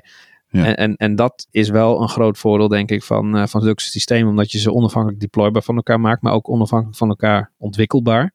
Ja, En ja. dat is voor, uh, voor wat wij doen, is dat wel de, het, het grootste voordeel uh, wat wij nu merken. Want we deployen nog steeds gewoon natuurlijk als één geheel, uploaden naar Apple. ja, ja, ja. Dus, nou, volgende denk ik. Ja, zeker. Monorepo versus ja, multiple repo's. Mono. Echt? Ja. Ook bij microservices? Uh, ja, daar werk ik nu natuurlijk niet mee. Uh, microservices zou je kunnen stellen van wel, maar ook weer niet. Ja, dit is een beetje. Kijk, het, het voordeel van monorepo is dat je, dat, dat je het geheel wat je deployt, wat het geheel wat dus een, een, een, een, een versie is, dat dat gewoon één plek is, één tag. Er is gewoon Mhm. één punt in tijd op één plek die gewoon, uh, uh, die gewoon juist is. En, en dat is met, uh, met multiple repositories is dat natuurlijk niet. Uh, en dat is zelfs als je, als je bij iOS development, als je dan inderdaad een dependency manager gebruikt, uh, CocoaPods Ja. bijvoorbeeld, of uh, er zijn nog een paar andere. Ja, de, de, je, je trekt dan eigenlijk gewoon code uit een, een, een andere repository ergens op het internet. Mhm. En dan wordt er in je logfile wordt dan wel de, de hash van, de, van, de la, van die commit wordt opgeslagen. Maar uiteindelijk, je, je, Oh, je beschrijft het op een tag niveau. En een Hmm. tag denken mensen vaak wel van in, in, in Git dat dat iets heel erg stabiels is. Maar dat is niet. Nee, nee. Dat is echt gewoon een, uh, ja, uh, een, een tag is alleen maar een labeltje aan, uh, aan een commit. En ja, Ja. we noemen het een tag. Ja. En ja, Ja, dus klopt. ik, ik ben wel heel erg, het voordeel vind ik wel voor iOS development in ieder geval, dat een monorepo dan, uh, hè, dan uh, de, de versie die in je app hebt staan is op jouw repository ook gewoon één tag. Ja. En die, ja, het, ik heb ook met, met third-party dependencies heb ik ook het liefst in die repository erbij in zitten. Ja, maar goed, dat, dat, dat was die discussie die hebben we natuurlijk op onze Slack ook wel een beetje gehad. Dus van, oké, en eh, ja, branching. En eh, weet je, dan wordt dat feestje wordt wel, ja, misschien wat lastiger. Misschien niet, niet zo in duid. Dus, dus als je, zeker als je echt losse eh, eh, systemen vaker los van elkaar wil... eh, Nee, goh, sorry. Bij microservices zijn die dingen afgebakend. Er zijn duidelijke contracten tussen die verschillende systemen. Dus dan zou ik het niet in een, micro, in één, uh, sorry, in één een monorepo stoppen. En aparte repos per microservice. Maar als het een monolith is en er zijn, of het is, er zijn meerdere systemen, zeg, ja, meerdere ja, applicaties, dan kun je ze zeg maar wel bij elkaar houden, zeg maar. Want het wordt soms complexer om dan verschillende repo's ja, te gebruiken om überhaupt iets te kunnen ontwikkelen, Ja, zeg maar. Ja, je, Dat- zult, dat je zult iets nodig ding. hebben wat, uh, wat het samenstellen van je release inderdaad. Je gaat nog steeds ergens beschrijven van wat bij elkaar gezocht inderdaad je, geheel, je gehele complete werkende systeem is. Ja. Wat zat Ja. er in die en ja, release? En ehm, inclusief alles eh, wat je erin propt van eh, externe lips of eh, pots Ja. of Oké, we doen er nog twee, nog eentje. denk ik. Eh, Ja joh. eentje? Welke wil je? Ja, doe zeg maar. Volgens mij hebben we die, die, die al gehad, die volgende. Maar, en deze vind ik ook Oh ja, zo leuk. doe- doe- Ik doe die maar. Ja, misschien moeten we geen doen, want ik vind hem niet zo leuk. Ja, het was, degene die je wilde doen was Taps versus Ja, die kan heel kort, Maar ja. ja, die kan heel kort. Ja, ik, het zal me echt serieus. Het, nou, wacht even, sorry. Het, het was eerst, het boeide me echt niet. Het, als ik in een team kom en de, de, we zitten met vijf man, die andere vier zeggen we doen taps. Zeggen joh, oké, doen we taps. Dus doen we spaces? Ja, dan doen we spaces. Want die IDE's, die, weet je, die zorgen dat het wel weer goed komt. En ik hou me gewoon aan, aan wat de rest van, de, van het team als standaard heeft. Mhm. Ik heb pers zelf, had ik nooit een, een, een voorkeur. Wat iemand wel zei, is dat als je de tabs gebruikt, dan heb je de mogelijkheid om te zeggen van oké, in mijn IDE is één tab, zijn visueel zijn het vier spaces. Of één space, wat jouw, voor, jouw eigen voorkeur is. Terwijl het gewoon als karakter wat getypt is, is het één tab. Dus dat is wel iets wat je wel met tabs kunt doen, met spaces niet. Want dan moet je heel, al die spaces gaan vervangen ja, door... Volgens mij van vier was er niet een discussie van iemand die slechtziend was en dat het voor hem heel veel uitmaakte als hij ging oplezen of zo? kon hij het echt ja, uh, mij veel beter zichtbaar maken als het tabjes stonden in plaats van spaties. Ja. ja, dat snap ik. Maar ja, precies. Toch kies ik spaties voor mezelf, in mijn eentje. In mijn eigen project. Ja, ik, ik, ik, ik, ik, kies eigenlijk ook altijd wel spaties, ja. En, uh, en het klopt inderdaad. Uh, ja, je, je IDE die, die helpt je wel. En als je echt in een omgeving komt dat het echt heel specifiek iets anders is. Joh, dan zet ik zelfs mijn accolade wel op dezelfde regel. In plaats van de volgende. Ja, ja, echt. Ik, ik, ga, ik, ik, ik, nou, ik kan er niet nee, zo heel punt van maken. Als het maar binnen het team een beetje oké is. Ja, als het niet in, in, de, in de codebase ja. zelf, maar op één manier gedaan wordt. Anders word ik gek. Ja, ja dat wel. Daar, daar heb je wel een punt. Dat klopt. Oké. Okay, um, we hebben blijkbaar, ik weet niet of, dit is wel een tricky ding. Mm -hmm. Misschien. ja, dat is met die... Ja, we hebben nog wat, uh, kunnen nog wat weggeven. Dat volgens mij wel. Dus ik, uh, ja, daarom. Dus we hebben vorige keer hebben we een aantal uh, codes gekregen voor Manning boeken. Uh, die zijn nog niet allemaal vergeven. En nou is het grappige. Kijk, als het binnen tussen nu en dat het gepubliceerd is, als ze wel vergeven zijn, dan is dit stukje, ga gaat de rest van de wereld gaat niet te horen krijgen. oh jee. Als het nog niet zo is, dan blijft dit er mooi in. Uh, er is sowieso één, één discount, zeg maar, voor 35% korting op Manning boeken. Die code kun je krijgen via onze Slack. Dan moet je maar naar onze Slack komen. en uh, de andere is een prijsvraag. Die was in de vorige aflevering. En de vraag was, dan moet ik het even uit mijn hoofd doen, is in welk land heeft Paulien geprogrammeerd? Dat was gewerkt. ja. Gewerkt. Ja. ja. geprogrammeerd, sorry. Sorry, ik ben echt, het, wordt, het is veel te laat, joh. Ik ben al helemaal niet meer scherp. Uh, maar goed, dat dus. Uh, ja, en als je uh, een antwoord hebt, dan kun je een van ons kiezen, Bernard, Johnny, Paulien of mij een DM'tje sturen. En dan gaan we kijken of je het juiste antwoord had. Ja. En op tijd, ja, want het is nog, er zit nog wel een soort van deadline. Maar ja, goed, als je te laat bent, dan heb je pech. Ehm, Oké, okay, ja, er is nog één ding. Er, we, ja, we maken ook wel eens wat kosten in deze podcast. Nou is het niet zo dat ik meteen allerlei mensen ga vragen om geld te doneren. Zo kan, mag, maar dat is niet wat, waar ik op uit ben. Maar uh, de, de, we, nemen nu weer, vanwege corona nemen we online op. En we gebruiken daar de tool, of de, ja, de tool Zencaster voor. We worden gesponsord. En Salves Test Services uh, die heeft uh, een, een, donatie gemaakt om, zodat wij zijn kasten kunnen gebruiken. Op de kosten van, daar, daar, betaalt Salves, Salves voor. Dus dat is heel fijn. Dus een shout-out naar ja, Salves. Oeh, ja. ja, dankjewel. Dankjewel. Ja. ja. Werkt goed hoor. Want, ja. Ja, dat gaat. Het, het, gaat, dat, dus, ik hoop dat oh, het loopt het nu helemaal vast. Hoor je mij? als je, ja, precies. Als je de goden verzoekt. Goed, uh, dat was hem weer eigenlijk. Yes. Um, Wil jij nog iets zeggen ter afsluiting, ja, Jeroen? Heb je nog een uh, ja, tip voor we eruit uh, knallen? Of iets anders? Uh, nou. Ja, dat is een hele goeie. Want ik, ik ga, ik, sorry dat ik onderbreek. Ik ga er wel heel snel overheen. Want we doen normaal gesproken tips en boekentips. Dus als je een tip hebt, ja, dan is het... Uh... Nou ja, dat is voor, uh, voor, voor, voor iOS-developers dan misschien een beetje specifiek. Maar er is, een, er is een podcast, die kun je ook vinden. Dat is de iOS Lead Essentials. Nou, en dat is als je een lead developer of senior wil worden. Ik denk ook wel als je gewoon sowieso een developer bent. Dat is echt gewoon, het zijn twee gasten, dat is echt gewoon uh, supergoed. Uh, het is alleen wel, ze zijn wat lastig te vinden op het internet, want je komt dan gelijk in hun web van, uh, van sales terecht, zeg maar. Okay.